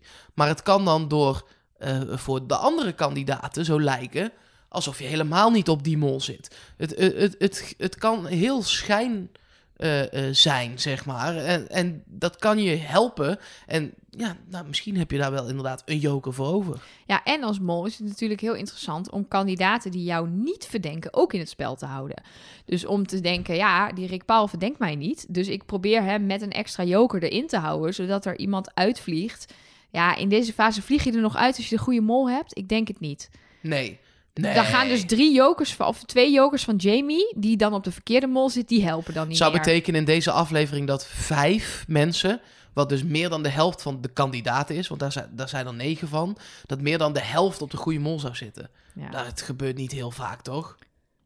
Je weet het niet. Nee. In dit geval denk ik niet dat eh, ze hier eh, eens, eensgezind zijn. We hebben wel eens seizoenen gezien waar naarmate het einde nadert echt iedereen redelijk richting dezelfde mol neigt. Dat wordt altijd in de montage wel een beetje mee, mee ge- gekloot om dat niet weg te geven. Maar ik geloof dat idee echt niet in bij dit... Klaas en Ja. ook bij Kees Tol had ik het idee dat iedereen op een gegeven moment het wel... Ja, en Annemarie Jong volgens mij ook. Was dat volgens mij ook op een gegeven moment redelijk duidelijk. Maar ja, je, ik geloof echt dat er nu een aantal mensen, zowel op Jamie als Rick Paul zaten. En nu dus echt denken, hè, mijn mol is weg. We zitten in de halve finale. Wat is hier in hemelsnaam aan de hand? Ja, en dan heb je dus een joker. Dan ga je naar die test. Dan ga je naar die executie. Heb je dus een voorsprongetje op, op, op een aantal andere kandidaten. En dan ga je er gewoon uit. Ja, ja, ja, En ja. stel, het kan nog erger. Heb je twee jokers, heb je een flinke voorsprong, vlieg je er ook uit. Ik heb wel meteen even een, een, een dingetje. Misschien heb ik scheef gekeken. Maar heeft Niels zijn jokers ingezet? Ja, allebei. Ja, allebei. Wel, ik Ja. heb het niet opgeschreven. Ja. Weet Ja. ik weet niet waarom ik het niet heb opgeschreven. Nee. Zeker. Iedereen Uit heeft alles wat hij had ingezet. En het was ook allemaal in beeld. Dat, dat kan ook nog wel eens zo zijn dat ze dat dan een soort van achterwege willen laten. Maar het is allemaal ingezet en er kwam inderdaad geen zwarte vrijstelling stiekem ineens toch achteraan. En Merel had ook niet een, de extra joker waar we haar vorige aflevering van hebben beticht. Dat ze die misschien toch had gevonden in de steenfabriek. we Nee, hebben hem dat niet was gezien. allemaal niet Nee. zo. Nee. Nou, laten we speciaal voor Mark, omdat hij het niet heeft opgeschreven en omdat hij het zo leuk vindt, het lijstje doen. Wie verdenkt wie? Dat schrijf ik overigens normaal ook niet op. Nee, dat weet dus ik. daar is niks mee veranderd. Nou, Merel verdenkt één of twee personen en heeft het over dat ze misschien de gok moet nemen om voor één te gaan.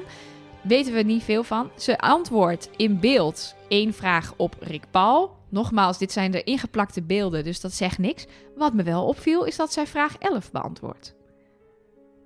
Oh. Ja, dat is dan toch wel weer interessant. Deze had ik gemist. Ja, zij beantwoordt Ja, vraag nee, 11 ik- ik en het geeft meteen, als de- antwoord is Rick Paul. opgevallen. Maar eh, ja, Volgens mij is daar wel een seizoen geweest dat er iets was met die... ja, eh, zeker. Dus dat- er is- zit wel eens een hint in, in welke, welk nummer, zeg maar, welk nummer vraag, hoe noem je dat? Welk nummer, nou ja. dat Welke dus. vraag iemand welke beantwoordt. vraag iemand beantwoordt, welk nummer dat is en dan dat dat iets betekent. Maar is, dat dan eh, eh, op Merel of op Rick Paul? Want wie weet Ja. is Rick Paul wel de mol. Komt hij nou, terug volgende aflevering? Ja, het Oh, zou zomaar kunnen. God, Want nee, er zijn nu twee mensen uit, maar dat is niet eerlijk. Dus komt er iemand terug volgende week? Ja, we hadden nog niet genoeg twists en turns dit seizoen. Ehm vervolgens, maar we weten dus verder niet eh, eh, of zij echt eh, Rick Paul verdenkt. Rick Paul, die zegt, ik verdenk Sinan niet meer. Je ziet hem vraag 20, dat is altijd de vraag wie is de mol, beantwoorden op Jamie. Maar hij zegt ook dat hij een beetje op Merel in gaat vullen.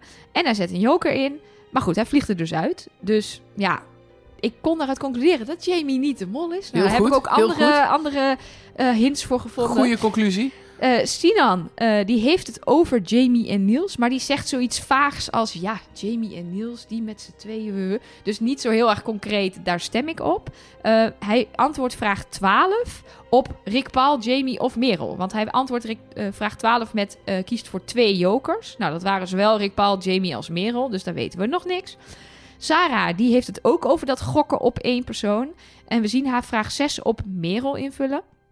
Eh, Niels, die zegt... Wat opvallend is, want dat is wel de bondgenoot. Ja, Altijd goed om even dat... maar eh, ze heeft ook wel vaker gezegd dat, dat die elkaar niet vertrouwen hoor. Want eh, dat heb ik wel meer gehoord. Eh, Niels die zegt gewoon Jamie is de mol. Nou, dat bleek niet waar. Ehm, hij vult vraag 18 in op Jamie of op zichzelf. Want vraag 18 was welke rol had de, hadden de, had de mol bij de bananenopdracht. Ehm, ja, en hij zegt stond niet bij een station. Dat was hij zelf ook. Maar ook Jamie stond niet bij een station. En Jamie die zegt: Ik vul veel in op Rick Paul. Je ziet hem vraag 20 ook beantwoorden: Wie is de mol? Rick Paul. Eh, en daarna zegt hij nog: Ik ga nog een beetje spreiden op de meisjes. Nou, dat lijkt me ook niet zo slim in deze fase van het spel. Om dan nog Dat, dat drie, ook. drie mensen te doen. Hij zet wel twee jokers in en hij vliegt eruit. Ja, maar ik vind dus normaal dit lijstje niet interessant. En nu wel. Omdat zoveel mensen op die twee mensen zitten die eruit gaan. Dat je wel een soort van kan gaan eh terug beredeneren wie er bij die mensen in het groepje zaten. Bijvoorbeeld inderdaad eh, dat drietal Rick Paul, Jamie, Merel. Ja. Eh, daar kun je je vraag op Rick Paul op inzetten en op Jamie. En dat het Merel is, heb je hem toch goed. Snap je? Dus Ja. zo kun je wel nu langzaam gaan beredeneren. Oké, wie zat er dan bij wie in de groep? Hoe kun je daar dan sprongelijk toch een goed antwoord uithalen? Ja, of je stemt op Jamie en die zat bij Niels in de groep. Dus mensen zaten op Jamie, blijven er toch in omdat Niels de mol is. Precies. Nou ja. Aan de andere kant, het is vaak maar één vraag. Dus als de Nooit helemaal veel wisselen, wat wel het geval is, dan is dat, eh, dan is dat wel lastig. Ja, wat mij vooral opviel, en er wordt altijd ontzettend eh, gemanipuleerd in de montage van dit stukje. Eh, dus je kan er nooit heel veel uithalen. Maar wat, me wel, wat ik echt geloof, is dat hier een aantal mensen, waaronder Niels en Sarah, of nou een van de tweede mol is of niet, zaten op iemand die eruit is. En dat er dus echt Oh, dat weet ik ook wel verwarring zeker. heerst in deze groep. En ik vond ook wel echt de, de reactie van Merel, die toch wel echt geëmotioneerd was. Maar dat kan als mol, kan je je natuurlijk ook vet schuldig voelen. dat jouw maatje eruit gaat, dat jij er ook nog eens voor zorgt dat er twee mensen naar huis moeten. En dat dat gewoon, ja, ook al ben je de mol en lieg je, bedrieg je al de hele tijd. Je bent natuurlijk ook gewoon die mensen aan het leren kennen en vriendschappen aan het maken. Ja. En dit kan wel een moment zijn dat je echt denkt, oh, ik, ja, shit, zo heftig had ik het niet verwacht. In ieder geval, ik vond de executie op een of andere manier precies verlopen zoals ik hem had verwacht. Ik dacht, eerste scherm, Ja, eerst is meteen rood. bam. Ja. En James naam ging en ik dacht, oh, dit gaat toch niet... Ik dacht wel, dit gaat toch niet echt gebeuren? Het ging eruit. En toen inderdaad, even later dacht ik ook weer, oh, dit is het scherm, Rick Paul. Oh, de Rick Paul. Ja, het wordt Rick Paul. Ik voelde het gewoon aan alles. En, dan- en dat had ik, maar dat had ik ook toen Robert eruit ging. Dat ik al vooraf zelfs dacht, dit wordt de week waarin Robert eruit gaat. En nu dacht ik, excuus, het is Jamie. En toen dacht het is Rick Paul. Het is een heel raar gevoel of zo, zo'n déjà vu Ja. bijna, wie Voor heel gaat. veel, eh, eh, jullie kennen mijn follow the money theorie als in, er is een beetje een andere dan eh, eh, de, gewoon optellen en aftrekken. Maar bij heel veel mensen stonden zij ook bij het lijstje met minst opgehaalde geld. Ja. En bij mij ook wel, bij mij staat Niels daar nog echt onder. Eh, maar zij hebben heel weinig geld opgehaald. En Jamie heeft natuurlijk ook echt lopen... eh, Zeker Jamie. Ja, Rick Paul trouwens. Ze hebben allebei ook echt lopen kutten gewoon. Maar vorig seizoen was bijvoorbeeld Stine by far degene die het minste geld ophaalt. Daarom zaten wij op een gegeven moment in een aflevering ergens halverwege met z'n drieën in een Stine-tunnel. En toen waren we zelfs even bang dat we het gewoon goed hadden en dat we gewoon halverwege de mol hadden ontmaskerd. Toen ging ze gelukkig naar huis, maakte het weer Ja, spannend. Ja, maar zeker. er gebeurt dus wel eens vaker dat degene die het allerminste geld ophaalt niet de mol is. Precies, dat De- gebeurt degene best die vaak. het meeste geld ophaalt is waarschijnlijk ook niet de mol, maar Nee. Ja, een beetje de onderste regionen moet je zoeken. Ja, wat, wat vinden jullie van deze groep? Ben ik wel benieuwd naar. Zitten hier... ehm, is de verdeling goed? Of zit- want ik, ik heb een beetje het gevoel dat er te veel nepmolletjes in zitten. Ja, dat is wel heel erg aan de hand inderdaad. Want eh, Jamie en Rick Paul kun je toch wel allebei ook in de categorie nepbolletje Ja, je zou een eh, roman schouwen. kunnen schrijven over alles waardoor zij de mol zouden Want kunnen zijn. Sarah en Niels kun je hetzelfde mee doen. Ik snap het namelijk heel goed van de makers. Want als je daar een Daniel de Bossevet in eh, stopt... dan weet je in aflevering 2 van... nou, dat is hem niet.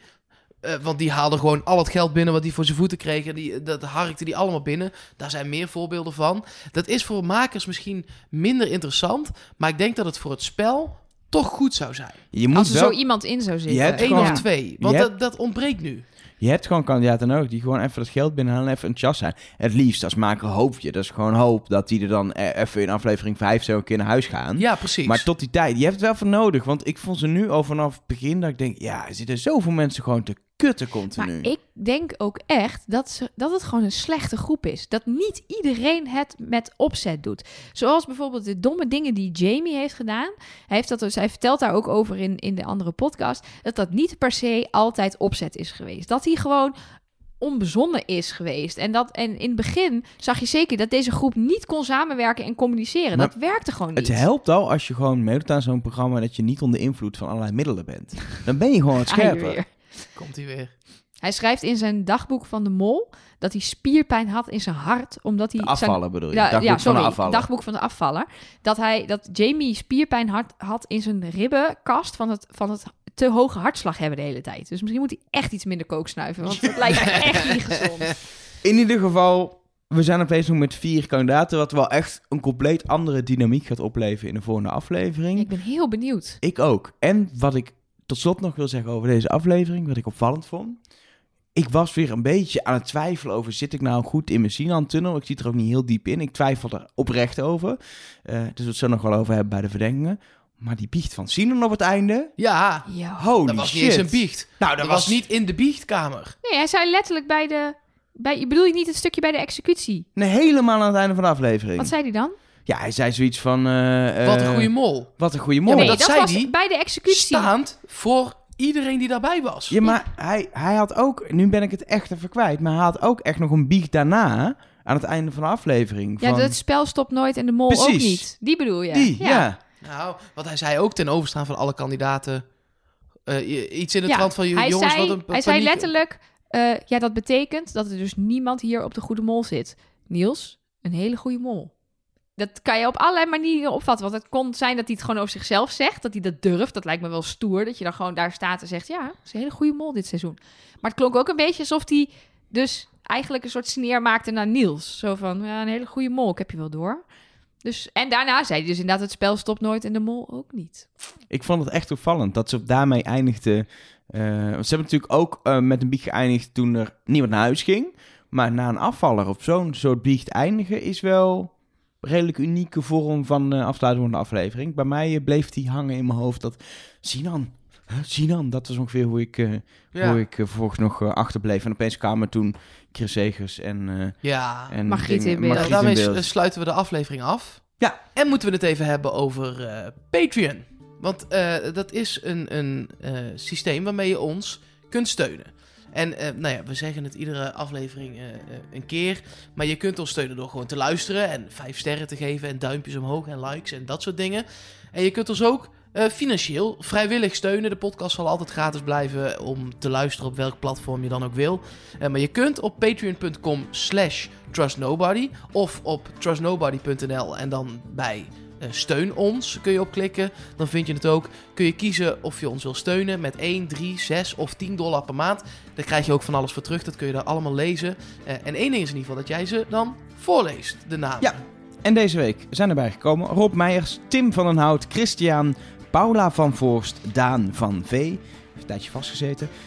Hij heet Van V. Dat is grappig. Eh, van den Belt, Jonna, of Jonne, sorry, Jonne Niesing, Puk Verwij, Lisa, Suus Boslo, Boslo, Niels Tuinstra, Christian van Dijk, Jeroen Koster, Bianca Posma en Nicolette Boon. En, ook niet onbelangrijk, mensen die 6 of 10 dollar steunen, dat kan jij dus nu ook nog doen, krijgen aankomende week een extra podcast via Patreon. Zeker. En het wordt, wordt echt, kunnen we zo vertellen wat we gaan doen? Is dat... We- Nou, ik denk dat we even... Het, het is niet weer een oud kandidaat, maar we duiken wel de geschiedenisboek in. En gaan daar lessen uittrekken voor wie dit jaar de mol zou kunnen zijn. Ja, zeker. En het is, we hebben al dus een keer inderdaad eh, eh, al een extra aflevering gemaakt. Dat was met Annemieke Schollaert. Oud-kandidaten, redelijk ver gekomen. Klein finaletje meegepikt. Eh, en die heeft met ons gewoon, nou wat was het, drie kwartier hier zitten kletsen.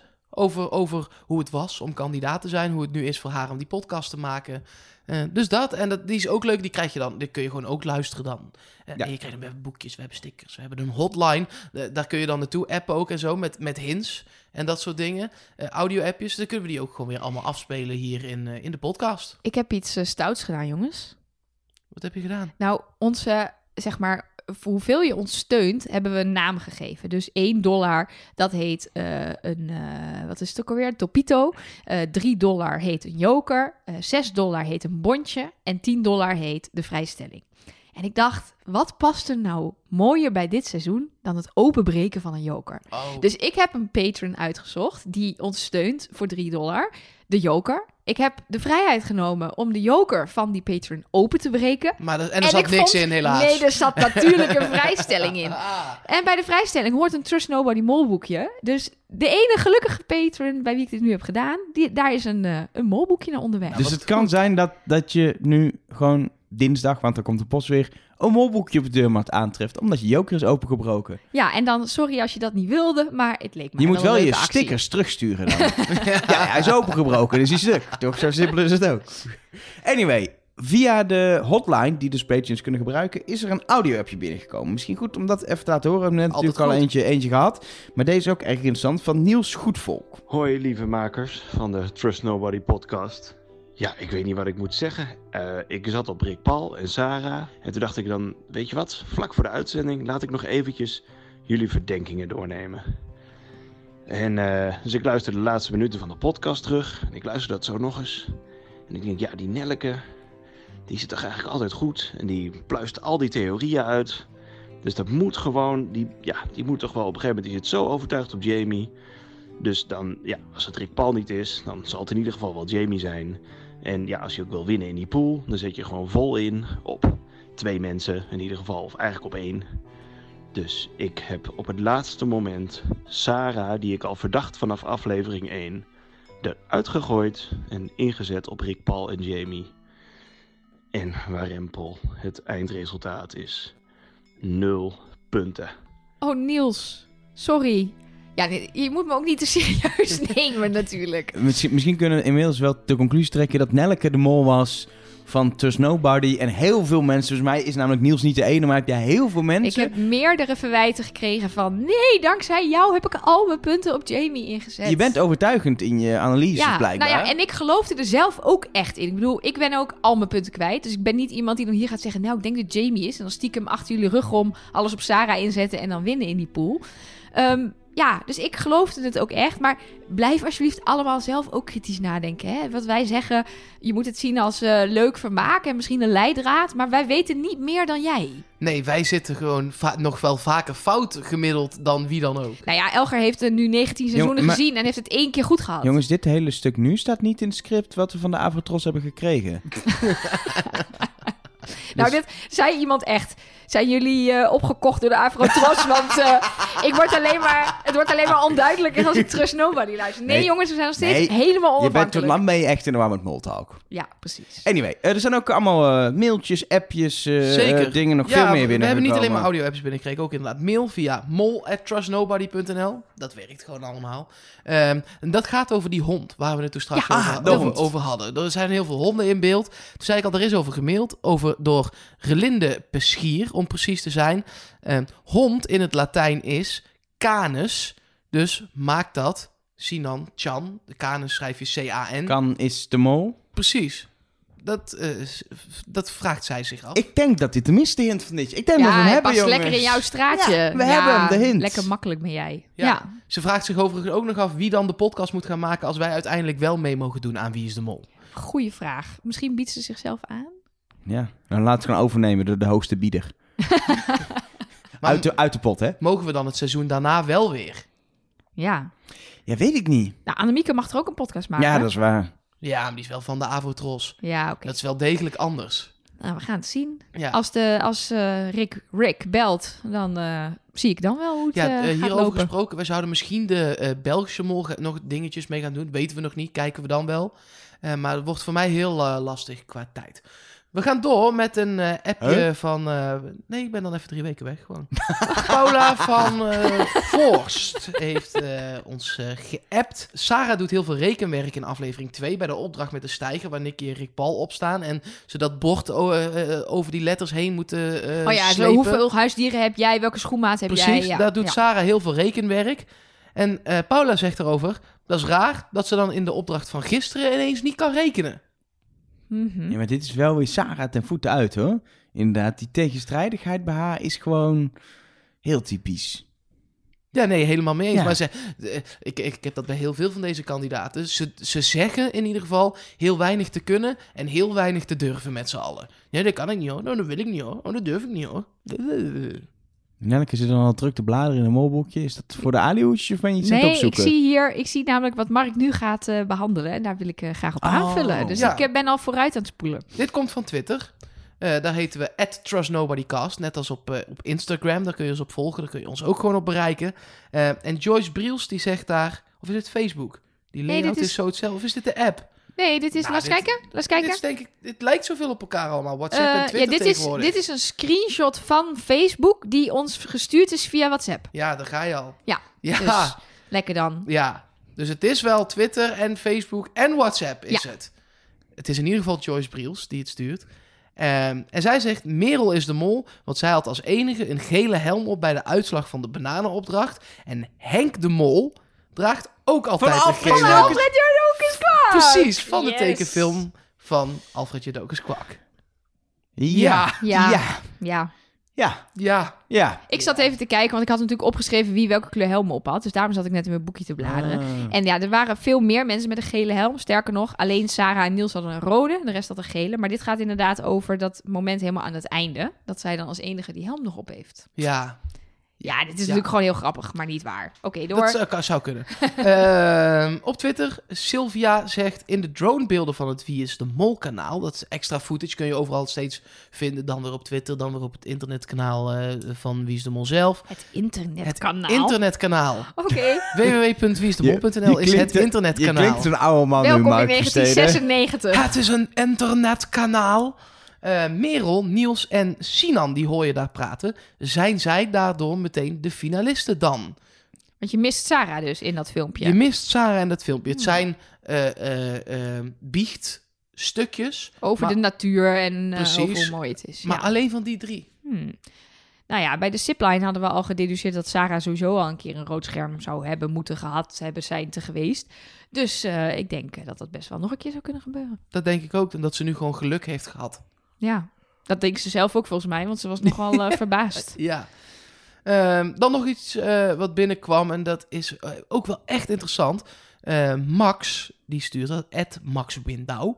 Die zegt: Volgens mij was Merel de enige die tijdens de roulette-opdracht de kandidaten inhaalde. Inhalen was de titel van de, van de aflevering. Eerst is Merel bij bakje 2. Dan lopen Sarah en Sinan langs bakje 2 en 3. En daarna pakt Merel de envelop uit het één na laatste bakje. En daarmee heeft ze hen dus ingehaald. Oh ja, want dat werd zo door elkaar versneden gemonteerd. Precies. Ja. Nou, dat vind ik nog wel een interessante, Ja. interessante gedachte. Ja, Ja. het is wel een beetje alsof je toch een beetje al echt in een tunnel zit voor meer gewoon een alihoedje of hebt. Maar het zou kunnen in theorie. Nee, maar er is er maar één met een aluhoedje. En dat is waar. Is ons Nelke Boorthuis. Ja, en je hebt dus geleerd, jullie moeten niet te veel naar mij luisteren, want dan gaat het dus mis, maar toch wel een beetje. Eh, nou, laten we beginnen met de leader hint. Dat is natuurlijk de hint van het seizoen, tenminste tot nu toe denk ik dat. Ehm, er verdwenen steeds eh, opdrachten uit de leader. En als je die opdrachten op de volgorde waarin ze in de leader getoond worden achter elkaar zet en je pakt de beginletter, dan krijg je mol is. Nou, we hadden al voorspeld dat deze week waarschijnlijk de opdracht met de motoren zou verdwijnen uit de leader. Nou, dat is ook gebeurd. Die is weg. Maar ja, we weten natuurlijk nog steeds niet wat die opdracht, hoe die opdracht heet. Die komt volgende week, hebben we al gezien in het voorstukje. Ja, mijn vermoeden is dat er dan dus uitkomt mol is en dan heet die opdracht, die heet iets wat begint met een M. Snelheidsduivels. Nou, precies. Bijvoorbeeld, dan weten we nog niks, want dat zou Sinan of Sarah kunnen zijn. Motorenpaniek. Er zijn heel veel mensen die het ook nog hebben over andere beelden in die leader, die nog niet vervangen zijn. Je hebt ook een shot Maar- van de executie. Mag ik er even één ding Ja. over zeggen? Want als het een M is, dan is het heel interessant. Want dan kan het zijn als, de, als Sarah eruit gaat volgende week. Even stel dat. Ja, Dan is het mol, M, mol is M. Dan zou dat Merel of een man kunnen zijn. Dan kan het nog steeds alle drie zijn. Die kan je op alle drie de manieren uitleggen. En Wauw, dat, zo had ik Ja. er nog niet over nagedacht. Dus is dat en M en motor is ook echt logisch. Dat het toch iets met, met motor Ja. in de naam wordt. Dus dan, dan gaan er heel veel mensen daardoor vol op Merel. Maar kan het nog steeds een man zijn? Ja, als het een N of een S wordt, is dat wel echt een ander verhaal. Ja. Maar dan, als het een S is en Sarah blijft erin en Sinan blijft erin, dan heb je ook nog steeds, ja, welke S is. Dus er zijn, ik, ik geloof gewoon niet dat die zo uitkomt volgende week, dat er iets uitkomt dat we met z'n allen zeggen en concluderen en niet meer anders kunnen twijfelen. Diegene is de mol. Ik geloof het niet dat het gaat gebeuren, Maar het wat zou ik- wat zonde ik- zijn. Wat ik daar wel nog aan vind, is dat we... We hebben bij Pittoresk gezien dat dat is veranderd in straatbeeld, Ja. volgens mij. Klopt. Eh, maar van heel veel andere opdrachten hebben we ook wel alvast kunnen nou ja, eh, eh, bepalen dat die van tevoren zijn bepaald. Als Ja. de opdracht al is. Ehm, en als je de namen van de opdracht van tevoren al bepaalt, heb je de hint van deze opdracht. de hint heb je dan ook van tevoren al Bedacht. bedacht. Ja. En dan kun je zo'n einde niet per se zo maken dat het Merel man-man is. Want je weet niet of het zo uiteindelijk overblijft. is waar. Ja. Al zijn er ook natuurlijk wel weer dingen waarmee je kan spelen. Nee, uit meerdere afleveringen, uiteraard. We- meerdere opdrachten. Nee, natuurlijk. We hebben ook gezien dat je eh, dan in principe natuurlijk alleen die motoropdracht een andere naam hoeft te geven. Want mol is, dat blijft Ja. gelijk. Dus het, eh, het kan wel. En maar... het had ook uit deze aflevering kunnen komen, de beelden, of uit de vorige. Weet je, je kan ook best wel spelen. Ja, dat is Er is veel speling. Maar inderdaad, het lijkt een hint die wel van tevoren al is bedacht. Nou, moet ik er wel bij zeggen, en ik begrijp niet zo goed hoe die mensen denken, maar er zijn, er zijn shots die zitten er nog in. Zo zit er nog een shot in van die opdracht die ze ook volgende week gaan doen met het vuur. Dan moeten ze een soort jokerachtige dingen, houten blokjes in het vuur gooien met, met cijfers erop. Die opdracht zou ook nog kunnen verdwijnen, maar dat betekent dat er dus een letter bij komt tussen mol is. En ik denk dat het meer een soort spatie is. Er, is ook, er zijn ook nog twee beelden die beide geen opdracht zijn. Namelijk de executie op het dak met de, met de eh, lichten eh, in Medellin. En het joker openbreken. Nou, dan zou je nog kunnen zeggen... ja, dat worden dan een E en een J. De E van executie en de J van joker of zo. Maar ik vond het nu juist zo mooi dat het M-O-L... dan weer gewoon een opdracht als een soort spatie. Dan IS is. Dan die executiebeelden als een soort spatie. Dan de motoropdracht en dan nog de joker openbreken. Voor mij voelt dat heel mooi netjes afgerond. Krijgen we gewoon één letter nog en maar dan wat weten gebeurt we er meer. met, die, met dat vuur dan? Ja, die blijft er gewoon in. Die, die blijft gewoon zitten. Ja, dat is mijn, dat is mijn dus redenatie. volgende week Anders moet er gaan we iets... Of precies je moet, dezelfde lieder zien. Ja, Als het. deze week, dat, zeg maar. dat zou mijn vermoeden zijn. Ja, ja, precies. Maar er kan natuurlijk ook iets dat het helemaal niet mol is, maar dat het dus een ander woord wordt. Dus dat er wel een letter tussen komt. Maar goed, dat, ik heb niet echt iets kunnen, een woord kunnen bedenken wat begint met een mol en dan een puntje en dan is. Maar goed, Pist. De mol pist. wat ik wel Dan gewoon... kunnen ze het echt nog allemaal zijn. Iedereen moet wel eens plassen. Daarom. Wat ik nog wel een heel groot probleem van deze... Kan toch? Ja, wat is dit nou weer, Mark? Of vist. Ja, toch Suzanne Visser weer dit seizoen. Of mist. Of mis. Oh, er is geen mol. De mol mist. Mol mist. De mol nou, mist. nou, dat is hem. Dat is hem. We zijn Geen eruit. mol. Dit was Trust Nobody voor deze week. Trust. Oh, wat nee. Dit gaat helemaal niet goed, jongens. Hey, weet je wat ook wel een beetje een nadeel is van deze hint? Hij is besproken in Moltalk. Nou, dan is het dus geen hint. Ik denk ook dat dat is omdat ze doorhebben dat dit... Ze houden die voren ook in de gaten. Dat ze je niet meer om, omheen kunnen. Je kunt er dan op een gegeven moment niet meer omheen. Ja. Zij hebben ook, ge- ook gewoon precies besproken wat wij Nou, nu dat hebben is- gezegd. Van, dat ja, er bij- komt een letter aan en dan weten we meer. dat is Dus, bij Klaas eh, van Kruisum toen wel gelukt om dat helemaal niet te bespreken. Ja, maar dat was wel echt... Ik denk dat ik het namelijk met jou eens ben dat er straks een, ant een letter komt Wat niet een, een eenduidig teken- is. Nee, precies. Of een heel andere letter. Dan, kom- dan wordt het de T. En dan, denk, ik, dan moet je weer iets, iets redeneren wat, niet, eh, wa- wa- wat, dan Precies. iets anders betekent. Of er komt, er komt een beeld van een hond en niet vanaf dat meer. Mol is hond. En dan hebben we de hondenhint. Dat Die we nog steeds niet Nee, snappen. zou- Maar bij Klaas stond er gewoon Klaas. ja, ja. Niet helemaal, maar inderdaad. Klaas CF of zo kwam er geloof Nee, ik Klaas CF Mol. Dus het was een Ah, ja. wiskundige vergelijking. Klaas is gelijk aan Mol. Precies. Nou ja, goed. Anyway. Dat terzijde. Eh dan ga ik nog weer even terug naar de zipline en de bordjes. Want eh, daar hebben we vorige week van gezegd. Waarschijnlijk als je eh, de kandidaten op leeftijd hangt... betekende dat dat Sarah een rood scherm had gekregen. Maar nu kwam ik nog een andere interessante hint tegen. En dat is namelijk morsecode loslaten op die bordjes. Ehm, ik werd erdoor getriggerd doordat iemand zei... ja, als ik zeg maar ervan uitga dat rood kort is en groen lang...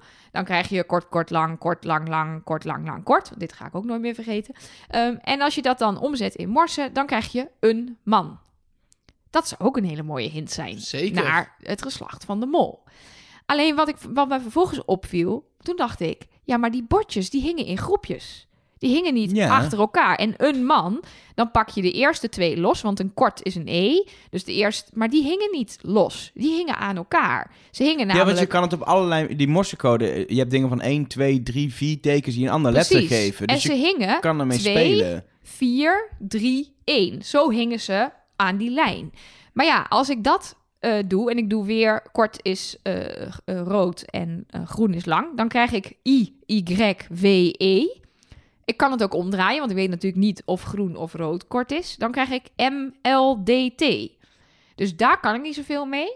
Maar als ik het zo hussel dat het, dat het me goed uitkomt, dan M- krijg ik een man. MLDT is Merel de Topo. En Topo is mol. Maar je mist de R, hè? Ja. Ja, het is wel en de meer. P En de P. en de- Ja, En twee O's trouwens ook. En, eh, Ja, en wat je wel kan doen, als je, Ja, die, de- als de- je die twee de combineert... O en de P zit in NPO. Ja. En nog een O in Afro-Tros, als je hem nodig hebt. Ja, zeker. Dus dan, en in Rick van der Westlaag Hey, is ook nog wel jongens, letters. even serieus. Oh, sorry. Die lijken nu net dat Twitter-account onbruikbare mol is.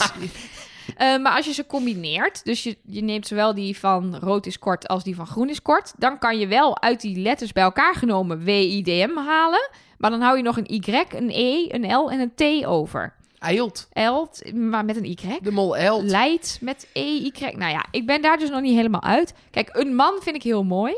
Maar ik, wat ik dan weer niet te verkroppen krijg, is dat het dan dus niet klopt met de volgorde, de groepen waarin ze hingen. Snap je? Ja, ja, ik dus snap. Ja. er zijn Goed. heel veel op, want je kan, dat is, je kan heel veel verschillende dingen doen als je, als je gewoon één, als één ding pakt en dan zelf in groepjes gaat indelen. Dan is Ja. een man een uitkomst, maar zijn er echt Zijn nog er nog wel heel veel heel andere... veel andere Ja, mogelijkheden. Klopt, klopt. Nou, goed. Eh, volgende hint. Eh, komt ook uit de vorige aflevering. Daar stond eh, Rick namelijk twa- twee keer op een kruispunt van twee straten. En in, in dat soort landen en van die gridstraten heb je altijd... Die straten hebben gewoon nummers. Dus hij stond op het kruispunt van Carrera 7 en Calle 2... en op het kruispunt van Carrera 11 en Calle 6. Nou heeft iemand die cijfers vergeleken met de muurschildering van alle kandidaten. En dan kom je precies uit op eh, Merel, die staat op plek 7. Niels staat op plek 2. Sinan staat op plek 6. En plek 11, dat is dan zeg maar aan de rechterkant van de muurschildering, staat het Wie is de Mol logo. Dus het zou een hint kunnen zijn naar de finalisten. Nog één keer. Merel- Wie zouden het dan zijn? Merel, Niels en Sinan. En het Mol logo. Ik vind dat ook nog wel een, vind interessante gedachte. Ja, dat zou ik Geeft heel vet ook vinden. niet te veel weg. Zat ook eh, pas vorige aflevering erin, dus niet te vroeg in het seizoen. Nou, ik vind dat ook wel een leuk stel Zou, voor in de vind finale. ik een, een eh, logischere hint eh, qua muurschildering dan eh, dat met die hele cd. Ja, die Eddie en de Hot Ja, Rods. ja, ja, ja, ja. ik ook. Vind ik ook ver gaan. Want dat shot zat ook niet in een aflevering. Precies. Dit shot met het Mol-logo ernaast, uiteraard wel. Double Checking Woman hint noemen we hem geloof ik officieel. Ja, en ook de, de writing on the wall wijst dan weer naar Sinan. Dus er zit ook een hint naar Sinan in. Goed, ik, ik, lang ik had wel, ik dacht wel, ik heb daar heel lang over nagedacht. Wat zou het kunnen zijn met die muurschildering en de volgorde van mensen die erop staan? Want dat, je kunt dat op 120 manieren uitleggen natuurlijk, maar ik vind dit een hele mooie. Zeker. En vooral omdat, net zoals die Heb ik niet zelf bedacht, hè, jongens. Nee, het nee, komt nee. van het forum. Even Maar- voor Nee, nee, nee, ere wie ere Net zoals de hint die ik nog steeds logisch vind met die, met die zipline... is dat Sarah een rood scherm zou krijgen. Vind ik nog steeds de meest plausibele van alles wat we nu over die lijn hebben gehoord. Vind ik ook een hele goede hint, omdat hij alleen maar wijst naar één afvaller. Die echt waardevol is, want het is iemand die... eh, die eh, er nu nog steeds in zit. Dus je hebt er Ja. ook echt wel wat aan dat ze eigenlijk een rood scherm zou hebben. Vind ik dan heel waardevol. En hier ook weer wie er dan in de finale komen. Wie de, ik, het geeft allemaal informatie zonder dat eh het risico is dat als de hint wordt ontdekt, dat opeens, zoals alle Klaas van Kruisum, opeens de mol bekend is. Ja. Dat is gewoon niet leuk. Ik vind dit veel leuker. Dat ik wel denk, oh, ik ga nu wel mensen afstrepen op, de, oh, dit wordt waarschijnlijk de finale. Of Waarmee hebben- ook wel echt blijkt het feit dat zij er eigenlijk uitging in de vorige aflevering en er nu nog in zit, hoe fout iedereen zit. Ja. Ja. Of hoe Ja. dichtbij het bij elkaar zit en iedereen al goed zat. Maar de kans is groter dat iedereen fout zat. Inderdaad. Ja, en dat het dus echt of- ligt aan het feit wie er bij wie in het groepje zat. En dat zij dat in de vorige aflevering ja, En per hoeveel ongeluk jokers minder iemand vaak goed heeft. had. En nu per ongeluk wel goed. Of, mindfuck, de mol hoeft natuurlijk nooit naar huis. Dus die heeft dan wel een rood scherm gehad, maar hoeft er niet uit. En daarom ging iedereen door. Ja, daar zijn ook echt heel veel eh, ruzies over. Krijgt de mol dan soms wel een rood scherm te zien? We zijn natuurlijk in het verleden vaker mollen na een rood... Of niet mollen, sorry. Kandidaten na een rood scherm teruggekomen. Dan zou ik zeggen, dan weet je dat is dus niet de mol. Maar dan is er toch altijd nog een soort gedachte... Ja, dat zou wel een hele goede mindfuck zijn. Nee, maar daar heb- heeft eh, die regisseur zich wel eens over uitgesproken. Dat ze Ja, dat, dat- niet nee. zouden doen. Nee, Ja, maar dat zie je niet aan de hand, want het rood scherm is ik nooit gezien. Nee, daarom. Maar goed. Ehm, ik wil graag door, want we hebben het hier al te lang over. En ik heb nog een paar mooie hints. Namelijk, ehm, wat er heel vaak gebeurd is in de geschiedenis van Wie is de Mol... is dat de mol in de biechten dingen zegt... die met eh, dezelfde letter beginnen of een bepaald woord. Kennis is vaak- macht. Kennis is macht. Dat was bij Kim, K-I-M, dat soort dingen. En wat mensen is opgevallen is dat Sinan inmiddels al zes of zeven keer een zin is begonnen met een i en de volgende zin met een m. I am. Dus hij zegt bijvoorbeeld in de vorige aflevering over die tuk-tuks, dan zegt hij: Ik moet eerlijk zeggen, de tuk-tuks zijn charmant. Misschien moet ik maar tuk-tuk-chauffeur worden. En dat is dus nu al zes of zeven keer gebeurd. Ja, maar is die I altijd ik? Want dan vind ik het bijvoorbeeld weer minder interessant. Omdat je in een biecht Altijd over jezelf aan het ik. praten bent. En daardoor heel vaak ik zeg. Dus dat, eh, Ja. ik, ik weet het nu niet. Hè. Ik, ik hoor dit van jou en dat is het Ik eerste weet wat ook ik denk. niet, ik heb niet alle, alles Nee, nee, nee, eh, ik. opgeschreven en ook Maar niet alles zelf gehoord. Alles maar begint met ik, vind ik het minder interessant omdat het een biecht is. Waar, waar zat jij in de groep? Dat vraagt zo'n kandidatenbegeleider dan. Zegt hij, ik, Ik stond, stond. bij. ja, die i is natuurlijk wel makkelijk. Ja. Dus, eh, maar goed, het is in ieder geval een, iets waar we, waar we op, op kunnen letten. Ehm, dan heb ik ook nog een hint naar Sarah gevonden. Ik heb echt gewoon voor iedereen een hint natuurlijk. Lekker. Eh, maar dat is een al wat langer doorlopende hint waarvan we ook niet precies weten wat het nou betekent. Maar eh, zij is natuurlijk deels Grieks. Volgens mij is haar vader Grieks. En ze Ja. heet Chronis van de achternaam. En dat is een eh, Grieks woord voor tijd. Ehm, en er schijnen dan dus best wel veel verwijzingen naar tijd in te zitten. Nou, ik vind dat een beetje Tijd voor de test en Nou, executie.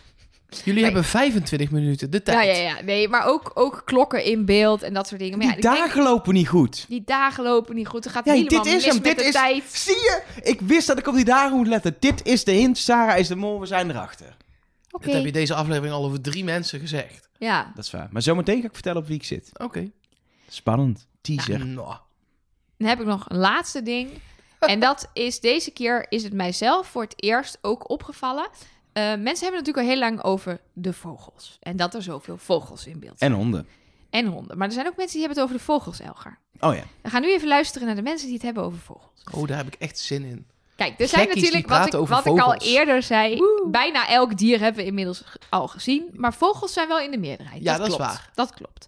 Nou, dat zou naar Merel kunnen verwijzen. Ik vind dat dan best wel te makkelijk, zeg maar. Dan denk ik, maar goed, ze hebben het in het verleden met Suzanne Visser gedaan. Toen waren de vissersbootjes in beeld. Dus Margriet. Margriet legde overal een bloemetje neer. Dus het zou kunnen.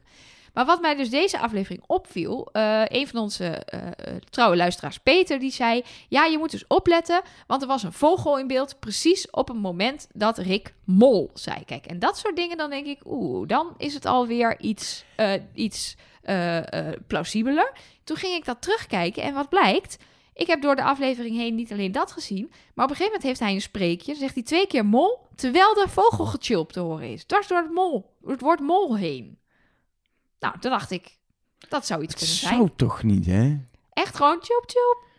En dus ook nog op het moment dat het woord mol Ma- zegt een vogeltje in de boom Mag te ik, zien. mag ik nog eentje doen dan? Ja. Als we toch bezig zijn, dan doe ik even mijn aandoetje. Maar we hadden het vorige keer over dat dat ma wie werd gezegd. Mhm. Volgens mij ook hebben wij wel Ja, heel aantal veel reacties mensen hebben erop gekregen. gewezen dat wij helemaal over het hoofd hebben gezien dat dat de initialen Merel Westerik zijn. Oh, ja. Ja, klopt. Want we zaten niet op Merel, we dachten daar niet. want Dus zij ja. heeft echt nog steeds van deze eh, vier mensen die er nu in zitten, samen met Sarah, gewoon een bak geld binnengehaald. True, Ja. true. Zij heeft het meest geld binnengehaald van allemaal. Met Sarah net achter haar. In ieder geval in mijn berekening. Ja. Mag ik, Ah, mag, ik, mag, ik, mag ik nog één ding inbrengen die in mijn aluhoedje theorie zit? ja? Eh zijn mijn eigen aluhoedje. Maar we hebben natuurlijk eh, Sinan als kandidaat, de luie kandidaat. En het wordt ontzettend versterkt en aangejaagd, dat beeld. Wat ook klopt hoor, maar Sinan de luie kandidaat. Door Moltalk, die ook een, een hashtag hebben gelanceerd. Ja. Wat zou Sinan doen? Sterker nog, er is zelfs een extra foto gekomen van de kandidaten nu, dat ze allemaal yoga aan het doen zijn. Dan zie je op de achtergrond zien dan op de bank liggen. Dus ook buiten het programma om wordt het heel erg... Vind ik dus weer heel verdacht dat Sinan wordt weggezet extra als de luie kandidaat. Die hoef je niet eens meer te verdenken. Het is gewoon leuk om door, hem, door het zo in het extreem en het grappige te trekken. eh, wat trouwens in de aflevering zelf inmiddels ook wel gebeurt door de kandidaten. Die ook grappen maken over Sinan de laatste ja, weken. Sinan bleef achter, maar dat zijn we inmiddels Ja, van hem precies. gewend. Maar ik vind het wel een ding, juist door dat te versterken ga je hem minder verdenken. Het zou een afleidingsmanoeuvre kunnen Wat zijn. ik nog wel daaraan zou willen toevoegen, is dat ik iemand heb gesproken die Sinan persoonlijk kent. Die heeft namelijk met Sinan op een opleiding gezeten en heeft al eens met hem samen moeten werken in Laat maar, groepjes. laat, raden. Sinan is echt lui. Sinan was daar ook aardslui, hoorde ik van die persoon. Dus het is niet iets. Het is, het kan, hij kan het natuurlijk inzetten als mol. Dat hij dat al van zichzelf is. Dat is denk ik ook wel de manier waarop je het zou moeten spelen. Kies iets wat al een beetje bij je past. Eh, en versterk dat. Maar hij is dus ook wel echt lui. Ik, zou, ik wil, Zijn ik mijn wil anonieme bron. Dat klinkt ik- toch mooi, hè? Ja, heel mooi. Ik eh, eh, had nog één ding opgeschreven bij... Twee dingen opgeschreven ook bij de eh, vorige aflevering nog. Eén is, zou jij nog gewoon... Ik, voor mijn gemoedsrust eens kunnen kijken naar de voorstellingsvolgorde. en of daar niet toch met een omweg nu ineens dezelfde vier mensen uit blijken te komen... die nu nog over zijn. En dat we er dan toch iets uit kunnen halen. Ik kom, Zul je altijd zien dat wij Ja. het links laten liggen. Ja, En dat het het dan dat toch is? toch de hint van ik het kom bladend in mijn molboekje trouwens wel tot de conclusie dat het eh, seizoen niet langer meer mag duren. Dat is bijna Hij is vol. bijna vol, ja. Ik heb weet je. wel steeds de pagina's maar aan één kant gebruikt. Dus ik kan nog de andere, eh, ik kan ons andersom nog gebruiken. Anyway, eh een voorstelfilmpje 1 was Nielsen. Een voorstelfilmpje 2 Rick Paul. 3 Nicky. Nee, precies. eh 4 Merel. 5 Sinan. 6 Sarah. 8, 7 Jamie. 8 Nou, die Robert. zitten dus wel achter elkaar aan. Maar Eh, Niels Sinan, Merel en, eh, nee. en Evie. Ja, nee. Volgens mij... eh, Nee, precies. Maar ik dacht, eh, hebben we dat maar gecheckt. Ja, en precies. twee, we hebben het aan het begin ook gehad over dat het zo opvallend was dat er heel veel gesproken werd over vertrouwenspersonen. Dat hadden we nog nooit echt gehoord van mensen. En nu zat het bij In zeven ieder, van ja, de tien in bijna ieder filmpjes. voorstelfilmpje. Ging het erover over wie het dan was en waarom? Waarop wij zeiden, nou waarschijnlijk, of misschien, of hopelijk, komt er dan familie zoals in de Belgische variant. Nou, dat gaat wel niet meer gebeuren, denk Nee, ik. ik denk niet dat volgende aflevering in één keer van deze vier de familieleden op de stoep staan. Maar, Maar als het wel gebeurt, hoorde je het als eerste hier. You Ja, heard it first in Trust Nobody. Precies. Klonk dat een beetje stoer? Heel stoer, Nee. Mark. Ik kreeg een mailtje, een heel schattig mailtje van iemand die zei dat jij zo'n fijne stem had. Oh, wat fijn. Nu even niet. Nee. Maar nee, maar dit, eh, dit, jouw stem is niet echt geschikt voor dat hele stoer in ieder geval. nee, dat klopt wel. Je moet niet eh, zeg maar de filmtrailers gaan doen. Nu in de bioscoop. Groots met een zachte G. Anyway, volgens mij zijn we toe aan de vraag waar het allemaal gaat. mis om- met de zachte G. Helemaal niks, want die heb ik zelf ook. Ik ben heel benieuwd aan het antwoord op deze vraag. In het geval van Nelke. Zullen, En denk we dat dan iedereen- als laatste doen? Dus dat doen we als Ja, laatste graag. ja, dus van mij is heel kort. Dus we beginnen maar Mark. De vraag is natuurlijk, wie is de mol? Niels. Oké, dankjewel. Ja. Heb je nog, eh, heb, eh, ben jij, je zit natuurlijk een beetje in een tunnel, maar word je verzekerder van je zaak? Nee, ik ben niet echt zekerder geworden. Maar dat heeft ook te maken, we hebben deze aflevering weer op iedereen wel iets aan te merken gehad. Waardoor het wel de mol zou kunnen zijn, maar ook waardoor het niet de mol zou kunnen zijn. Ehm, mijn gevoel zegt nog steeds dat het Niels is. En in situaties waar de feiten ontbreken, moet je afgaan op je gevoel. Maar Ik heb één keer niet, ben ik niet afgegaan op mijn gevoel, want ik roep al vanaf aflevering 1 dat het nieuws is in de podcast. Toen dacht ik voor de gein, weet je wat ik doe? Zet ik in, in de app één keer even gewoon alles op eh, Evelien. Nou, dat heb ik geweten. Dus ik blijf gewoon bij mijn gevoel. Maar als jij de kans krijgt om mee te doen aan Wie is de Mol, op voorwaarde dat je dit jaar goed hebt, dan zet je het in op Niels? Ja. Ja? Ja. Ik zou niet weten op wie iemand- anders. Ja, Ja. daarom. Maar ik denk, check, ik gewoon even een goede check. Nee, dan eh, zeg ik eh, eh, iemand anders. Nee, Jamie, dan dan zeg je Jamie. Ja, dan zeg ik Rick Paul. Nee, dan zeg ik... Nee, natuurlijk. Zeg- Ik zeg wel Niels, omdat ik dat ook echt het meeste denk. Het is niet een, een random losse vlodder en als ik het fout heb, nou ja, dan niet. Ik heb echt het gevoel dat hij het is. En er zijn gewoon een hoop feiten die het ondersteunen. En ik denk inderdaad dat ze echt van dat soort trucjes als wat jij het over had bij die enveloppen aan het toepassen zijn. Omdat heel veel mensen nou eenmaal follow the money doen. En nu die 1000 euro aftrekken bij... eh, Sarah en en Sinan. Sinan. Ja. Terwijl dat ook inderdaad hele andere redenen kan hebben. Ik heb twee mensen definitief afgestreept. Ja? Dat is Niels, want ik geloof oh, ik dacht gewoon... Jamie en Rick Had ik al heel lang gedaan. Mijn, eh, Niels is het gewoon echt niet. Nee, ik oké. geloof het gewoon echt niet als ik weer terugdenk aan die, hey, dat hele joker wisselen. En eh, ik, ik geloof het gewoon echt niet dat hij het kan zijn. Sarah, eigenlijk naar de Maar vorige waarom af- niet? Er gaat geen geld van uit de pot. Omdat het zoveel rare gaat geen aandacht geld legt. van het in is de pot. nergens voor nodig. Het, la- het laat jou geloven dat hij niet de mol is. Ja. Daar is het voor Terwijl er nodig. komt geen geld voor extra bij in de pot. Het maakt niks uit. Nee, dat klopt. Maar je moet je gewoon focussen op het mollen en niet op allemaal zijdingen. Ja, hij moet helemaal niks. Hij mag zelf weten hoe hij dat, dat is doet. waar. Maar hij is in ieder geval niet de mol. Oké. Eh, eh, Sarah, eh, eh, inmiddels ook alle hints die een beetje wijzen op wie er nog af gaat vallen, wie in de finale gaan. Het rode scherm vorige keer. En het feit dat ze toch wel regelmatig geld heeft opgehaald toen het niet moest, streep ik er ook eraf. Merel durf ik, zeker na deze aflevering. Die had ik eigenlijk afgestreept, maar die heb ik weer uitgegund. Maar zij heeft echt het meeste geld op. Dat is mijn punt. Ik wil niet alles ontkrachten Nee, bij je, maar, maar... ik heb precies dat. dat ze, ze heeft heel veel geld opgehaald. Dus dat is... Maar ze doet zulke rare dingen Ja, soms. nee, zitten hints in die best wel goed richting Merel zou kunnen wijzen. Het, die dubbele rode schermen pakken, plus eerder die vrijst. Maar van de 9k die er nu in de pot zitten komen, iets meer dan 2000 euro komt van ik haar. weet het. Ik weet, dus het is zeker niet een mol. Mijn mol is en blijft de meest luie mol ooit. Sinan. En ik durf niet mijn hand over in het vuur te steken. maar mijn deelname voor Wie is de Mol 2020 wil ik wel gewoon zetten op, eh, op het is Sinan.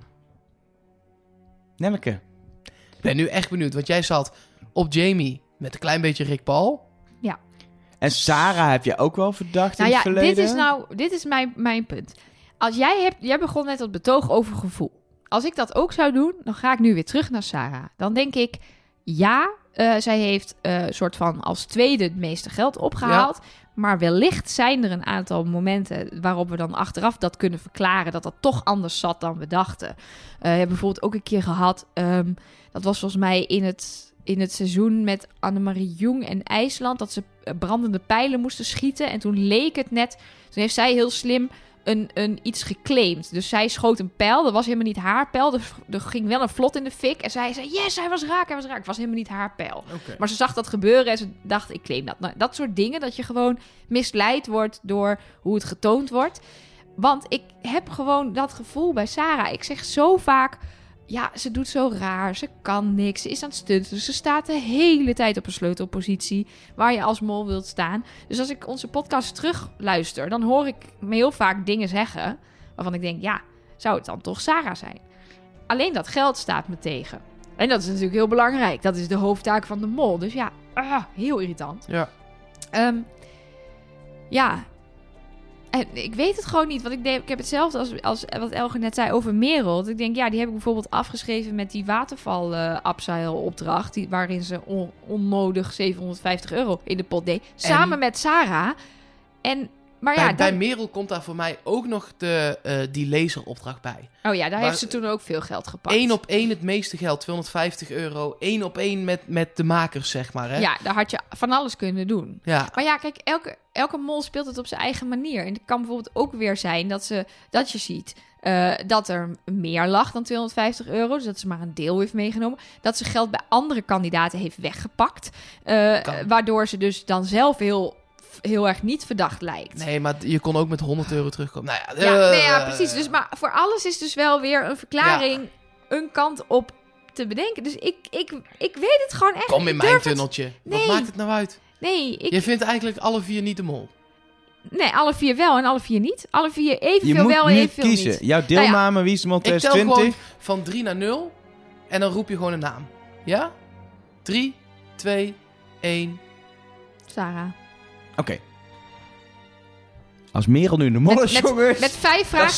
stoppen we ermee. Dan, vijf dan, dan, dan kunnen we, dan kunnen we opdoeken als Merel nu de mol is. Ja. We moeten nu één van ons drieën... eh, ja, ik, eh, moet het goed hebben. Ik ben ook niet zo zeker als vorig jaar. Nee, dat Toen- is... Nee. eh, Nee, maar toen had ik ook, ik zat op Simone.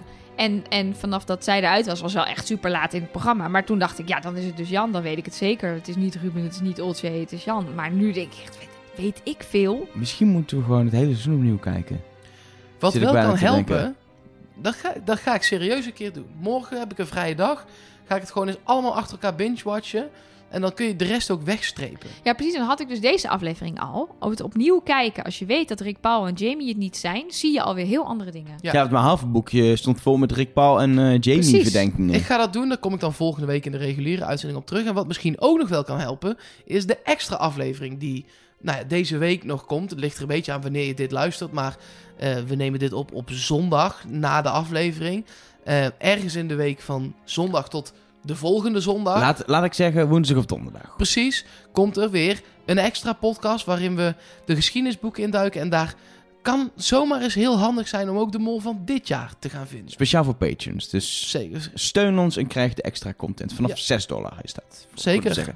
Voor nu eh, sluiten we af, want we kunnen nog lang doorlullen. Maar volgens mij zijn we er redelijk doorheen, ook gezien de tijd. Ehm, er werd ook veel gevraagd om een goede lange podcast van deze aflevering. Het was ook even nodig. Volgende week gaan we zien hoe de laatste kandidaat gaat afvallen. Tenminste, daar ga ik vanuit voor de finale. En hopelijk dat we dan toch eindelijk met iets meer zekerheid erachter komen wie de mol is. Voor nu bedankt voor het luisteren. Deel het met je vrienden. Swipe omhoog, like. Stuur mailtjes, alles. En tot volgende week. Sterretjes. Trust nobody.